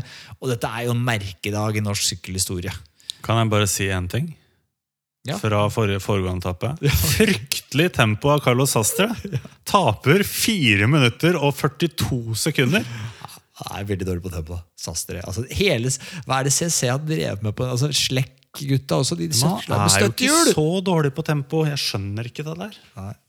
Ok, Vi må komme oss over til den dagen vi bryr oss om. Altså eh, I 2006 på Champs-Élysées. Eh, hva, hva Få høre, Atle, nå. Hva, hva, hva var planen? Hvordan forberedte dere Hva var liksom planen for den tappen? Litt som jeg sa i stad, forberedelsene begynte eh, faktisk eh, halvveis ute i uke to på det mentale. Eh, og så hadde jo eh, altså Det å vinne på Champs-Élysées for spurterne er jo, det er jo liksom eh, ja, den mest eh, prestisjefylte eh, spurtseieren du kan ta. Eh, og det var sånn sett en spurt som passa Tor veldig godt, i og med at det var slak motbakke og litt, litt uryddig underlag med litt fin brostein. Så det var om å gå igjennom og kjøre en del video på hvordan de spurtene har vært gjort de siste årene, og prøve å få da det optimale opptrekket. da. Ja. Så og Der den siste svingen er helt avgjørende, egentlig. Så, eh, så der eh, hadde Thor sammen med Julian Dean, altså opptrekkeren, eh, gått gjennom det mange mange ganger og var helt tydelig på hva som var eh, det optimale rent taktisk. Og det var jo at Julian Dean tok Thor opp på hjulet til McEwan, sånn at han hadde hans hjul når han gikk ut av svingen. da. Ja, ja. Og så var det jo da å, å i full gass når han kjente at det var tida for å akselerere. da. Og de leverer jo på den planen til punkt og prikke. Fordi Julian Dean drar jo Thor fram til hjulet til McEwan. Og McEwan åpner spurten, men Thor kommer ut fra dragsuget i en enda høyere fart. Ser ut som Thor har en mye bedre dag. Og vinner på Champs-Élysées. Så han vinner altså den første etappen, eller prologen, da, og den siste etappen det året. Og det er vel ja, den researchen jeg har klart å gjøre, det her er du som kan du pleier å arrestere meg, men det er vel den første og siste gangen noen har gjort det? Eh, vunnet første og siste etappe, ja. Yes. Stemmer. Stemmer bra. Takk, takk. Men det er jo fantastisk, da, for der er liksom duellen eh, Da sier jeg Thor Hushovd mot den beste spurteren i verden eh, på den tida. Og Thor moser den fullstendig. Altså Han bare flyter ja, ja. forbi. Og du, du, ser jo grimasen i trynet på McEwan. Altså Dette gjør jo vondt. Og Thor bare Snakkes. Snakkes snakkes. Og jeg mener, eh, kan det stemme at han drømte om det her også? Var han så innbitt, eh, Atle, at han lå og drømte om eh, hvordan han skulle vinne på Champs-Élysées dagen i forveien, eller natta i forveien? da? Ja, det står ikke om treningsdagboka, men Jeg mener han har uttalt det seinere. Ja, nei, i hvert fall han, Det som, det som faktisk skjedde da når, kom, når de kom inn for Champs-Élysées, det var jo at Thor punkterte. Om det var første eller andre runden, husker ikke jeg helt. Men i hvert fall så Per Hushovd, faren til Thor, han er rimelig smånervøs når han ser på sykkelløp. og når Tor punkterte, da gikk Per Vi satt på tribunen der. Da gikk han bare Da, da ville ikke han se noe mer. Så det som jeg sa, det er at herre steika bra, for nå får han opp adrenalinet, blir litt hissig og får fyra opp kroppen og får skjerpa seg maksimalt. Ja. Så, så, det, det funka, og det er ikke noe problem å komme seg opp igjen i feltet i, på bilene på Champs-Élysées, så det gikk bra. Eh, og eh, det er jo den beste spurten han hadde levert fram til da, eh, helt klart. Og ikke minst, da, så det som òg når vi ser på det i etterkant, er jo den tekniske jobbinga som han har gjort i, i da, flere år, som på en måte slår ut i full blomst. Da. Så hvis uh, du går inn og sjekker YouTube-videoer fra Tor Hushovd spurter ja. i de første Tour de France i forhold til den spurten i 2006, så ser du en vanvittig stor forskjell på teknisk utførelse. Høre, det er all kraft. Nei, det, det, går jo på at du rett og slett uh, klarer da For Tor sin del så hadde en tendens til at på en måte ramla over styret, altså overkroppen ble altfor langt ned. Ja. Sånn at eh, Det fungerte nesten som en bremse, og han fikk ikke brukt eh, tyngdeoverføringa på sykkelen godt nok. Så han jobba veldig mye med kjernemuskulaturen, eh, sånn at han rett og slett ble veldig stabil i hele kroppen. og Som Johan Kaggestad ofte sier, all krafta gikk rett i pedalen. og Du ser jo at det er dønn kraft, og at det er veldig stabilt, den måten han spurte på. da. Kropp, overkroppen er forholdsvis rolig, og det er bare alt går rett fremover. Så det var, det var På en skala fra én til ti så var det absolutt en tier, den spurten der. Men, men, dette er gøy når, har, når, vi har deg her. Du, du, har jo eh, trent eh, en av verdens beste spurtere til å bli en av verdens beste spurtere. Så det, det, også, eh, når man ser på stilen til Mark Cavendish og sammenligner den med, med Tor Hushovd Cavendish han ligger jo med det, overkroppen lent over. Jeg tenkte at Han ser ut som han tar så lite luft, og det er en av hemmelighetene bak Cavendish sin suksess. Men så sier du at det skal man jo ikke gjøre. Ja, for, for Cavendish sin del han er jo omtrent som en sånn eh, japansk eh, krigspilot. omtrent. Han, han, har, han er akkurat som du sier, veldig lang med overkroppen. og Det er litt hvordan kroppene kroppen er skrudd sammen. og, og Thor var en mye større rytter. Ja. Eh, så for hans del så, så han klarte ikke å få utnytta det å, å komme for lavt med overkroppen. Så han måtte litt opp, sånn at han rett og slett fikk eh, da brukt sykkelen på en mye mer eh, konstruktiv måte. Da. Altså eh, tyngdeoverføringa der han bruker sykkelen fra side til side, eh, og, at over, og, at overkroppen er stabil. da. Mm. Eh, sånn som Kristoff f.eks. spurte jo på en helt annen måte. Der går jo overkroppen fra side til side. Så Eh, Der kan det hende det er et potensial til å få Ja, du har lyst få til inn en kraft i Hei, kanskje, det er, kanskje, er det, kanskje er her det vi får til podden? Vi burde fått kobla deg. Jeg antar du har snakka med Kristoffen før. Men, men eh, har du vært og sagt det til ham? Du må slutte å veive så mye med overkroppen. Få litt mer kraft i pedala, så skal det bli fles på sakene. Nei, da, han har kraft i pedalene, han. Men, men eh, jeg snakka litt med Stein Ørn om det, faktisk. Ja. Ja, Så kult. Men, men hvem vil du si når vi først er på det, det er jo nerdepodkast, så vi må få, få lov. Men hva, hva er Altså, hva er, Hvem er den beste spurteren den teknisk som du har sett i, i nyere tid de siste 20 årene? Hva er den beste teknikken? Nei, jeg, ja, jeg, jeg vil nok si Cavendish eh, er nok den eh, Altså den akselerasjonen, og han er jo veldig stabil, eh, kan du si, i, i, eh, i krafta si. Og, og enda mer aerodynamisk. da, Hvis vi skal sammenligne med Thor, som var mer en kraftspurter, så Cavendish var jo eh, er kanskje den som tar aller minst vind. Så han, han leser i er det bildet, da. Ja. Ja, det er kult. Ok, Nei, men vi, skal, eh, vi får oppsummere toren eh, 2006. Eh, Det, det skjer jo litt eh, i ettertid, som vi alle vet. Eh, Uka etter så Jeg kan ta litt om det, for jeg Ja. har jo detaljene. Eh, også når Thor vinner på Champs-Élysées, altså siste dagen, det er 23. juli. Og 26. juli kommer det en, en litt sånn anonym melding om at én rytter har levert positiv dopingprøve under Tour de France.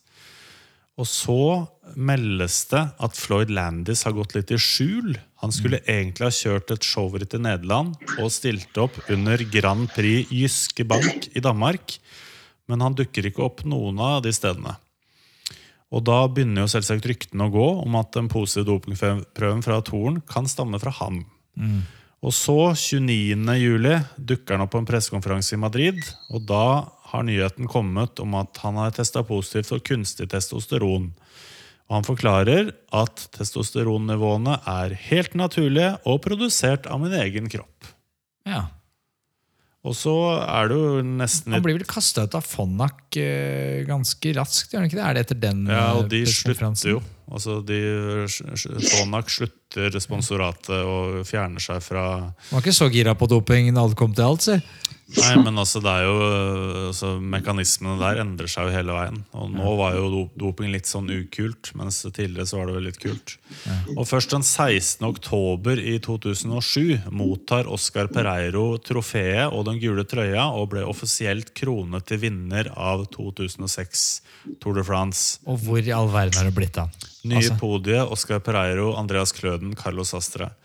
Altså Det som skjedde med han, er at uh, han begynte å spille fotball. Ja, jeg, jeg tenkte vi må ringe Tore på sporet. eller sånn. jeg, jeg, jeg skjønner pokker ikke hva det blir. Jeg prøvde, det er nesten ikke mulig å finne på nettet heller. Jeg er helt borte vekk. Eh, han øh, signerte for en klubb, jeg tror det er øh, egentlig femtedivisjon i Spania, i Vigo i Galicia, nærheten av der han kom fra, som Kanskje het Tippeligaen Norge. Eliteserien Norge, det. Coruxo. Det er bra, det. Og spilte to kamper øh, første sesongen og skåra to mål. Så han var ikke så gæren. Og så en, siste person jeg har lyst til å snakke litt om. Som vi, vi, det er noen som har skrevet inn til oss og mener Jarle, at uh, denne podkasten har en tendens til å overse en mann konsekvent. Kløden. Andreas Kløden, ja. Og, og de har helt rett.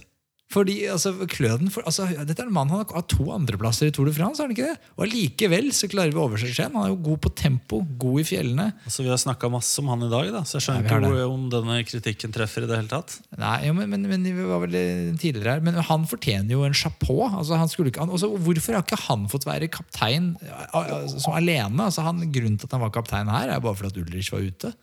Ja, det er vel fordi at Ulrich ikke har vært ute, da. Jo, men Hadde jeg vært eh, i Fonnak, eller et eller annet, så hadde jeg jo henta Kløden for lengst. Men de hadde jo Landis Ja, det er riktig, det hadde Landis. God poeng. og Hamilton før det. Ja, Hamilton. Men et annet lag, da. Nei, jeg vet ikke, men Kløden fortjener i hvert fall å hylles litt. da. Eh, Men han har vel, han har vel Det det er mye røyk. Det er mye røyk eh, rundt Kløden opp igjennom. Sykla på lag som det har vært mange juksepaver. Har han ikke det? Jeg er ikke så god på røyksignaler, jeg. Men, uh, Jeg tror at han har smakt på apotekposen. men altså, hvis vi skal snakke om det, så er det jo det blant de største sammenlagtkanonene uh, over fjøla. Men uh, Tour de France-feltet består ikke bare av sammenlagtkanoner. Er Så når noen idioter går foran i bresjen og ødelegger for en del andre, så er ikke det det samme som at alle var dopa. Jeg er så lei av å høre det. Ja. Apropos juksepaver. Mikael Rasmussen tar klatretrøya. Uh, Rob McEwan tar den grønne trøya til slutt. Og da er det Erik Sabel som på et eller annet vis har sneket seg til 199 poeng foran Thor. Jeg skjønner ikke hva er blitt av han. Vi har ikke snakka et ord om han, han har punktert det på en etappe. Consistent, vet du. Og så er jo minus Bonen og Freire der, da. Ja. Og så er det Damiano Konogo, altså den prinsen av sykkelsporten som aldri slo skikkelig til. Han vant jo giroen, og så skulle han jo bli den store, nye italienske syklisten. Men han fikk det ikke til. Men han blir unge rytter av det året her. Eh, T-Mobile vinner lagkonkurransen, som de stort sett dreiv med de åra der. gjorde de ikke det? Eh, hva, hvordan, hvor skal vi rangere Tour de France 2006, Atle? I Sammenligna med alle de andre vi har hatt og har? Nei, Det er jo noen tvil om at det skjedde vanvittig mye både før start og underveis, og ikke minst etterpå. Så, og det ble eh, ja, eh, en veldig spesiell Tour de France eh, i så måte. Også selvfølgelig da eh, med én nordmann, nordmann på start og to etappeseiere. Om du tar med prologen som etappeseier, så må jo si det er godkjent. Ja, Det er, det er høyt levert eh, av, av Team, team Hushovd. Det. Hvordan rangerer Tour 2006 relativt til de andre årene han var med? Han hadde jo mange gode år. vet du. Jo da, nei, det er klart det, det, er nok et av de beste årene sånn sett. Der han oppnådd målene sine og vinne prologen, vinne siste etappen. Så uh, ja, uh, det er nok en av dem uh, han er mest fornøyd med. Vet du hva, jeg tror dette har Vi har jo sittet og babla i en evighet, og du har jo hengt på oss, og det setter vi veldig pris på. Takk for at du setter av tid til å gidde å være med og snakke nerde, nerderi med oss. Det setter vi kjempehøyt. Vi har lært masse. Så vi, Tour de France-toget vårt tøffer jo videre. Vi skal jo møte flere. Eh, har du hørt noe på? Hører du på eh, podkasten vår, Atle?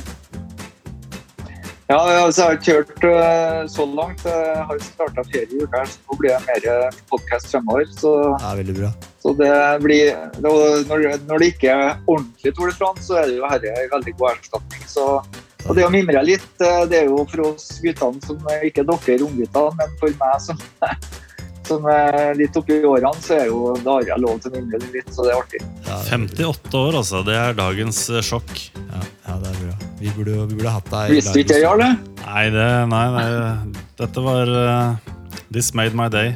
Ja. Ok, men takk for, takk for denne gang. Vi ses. Ha det bra, Atle.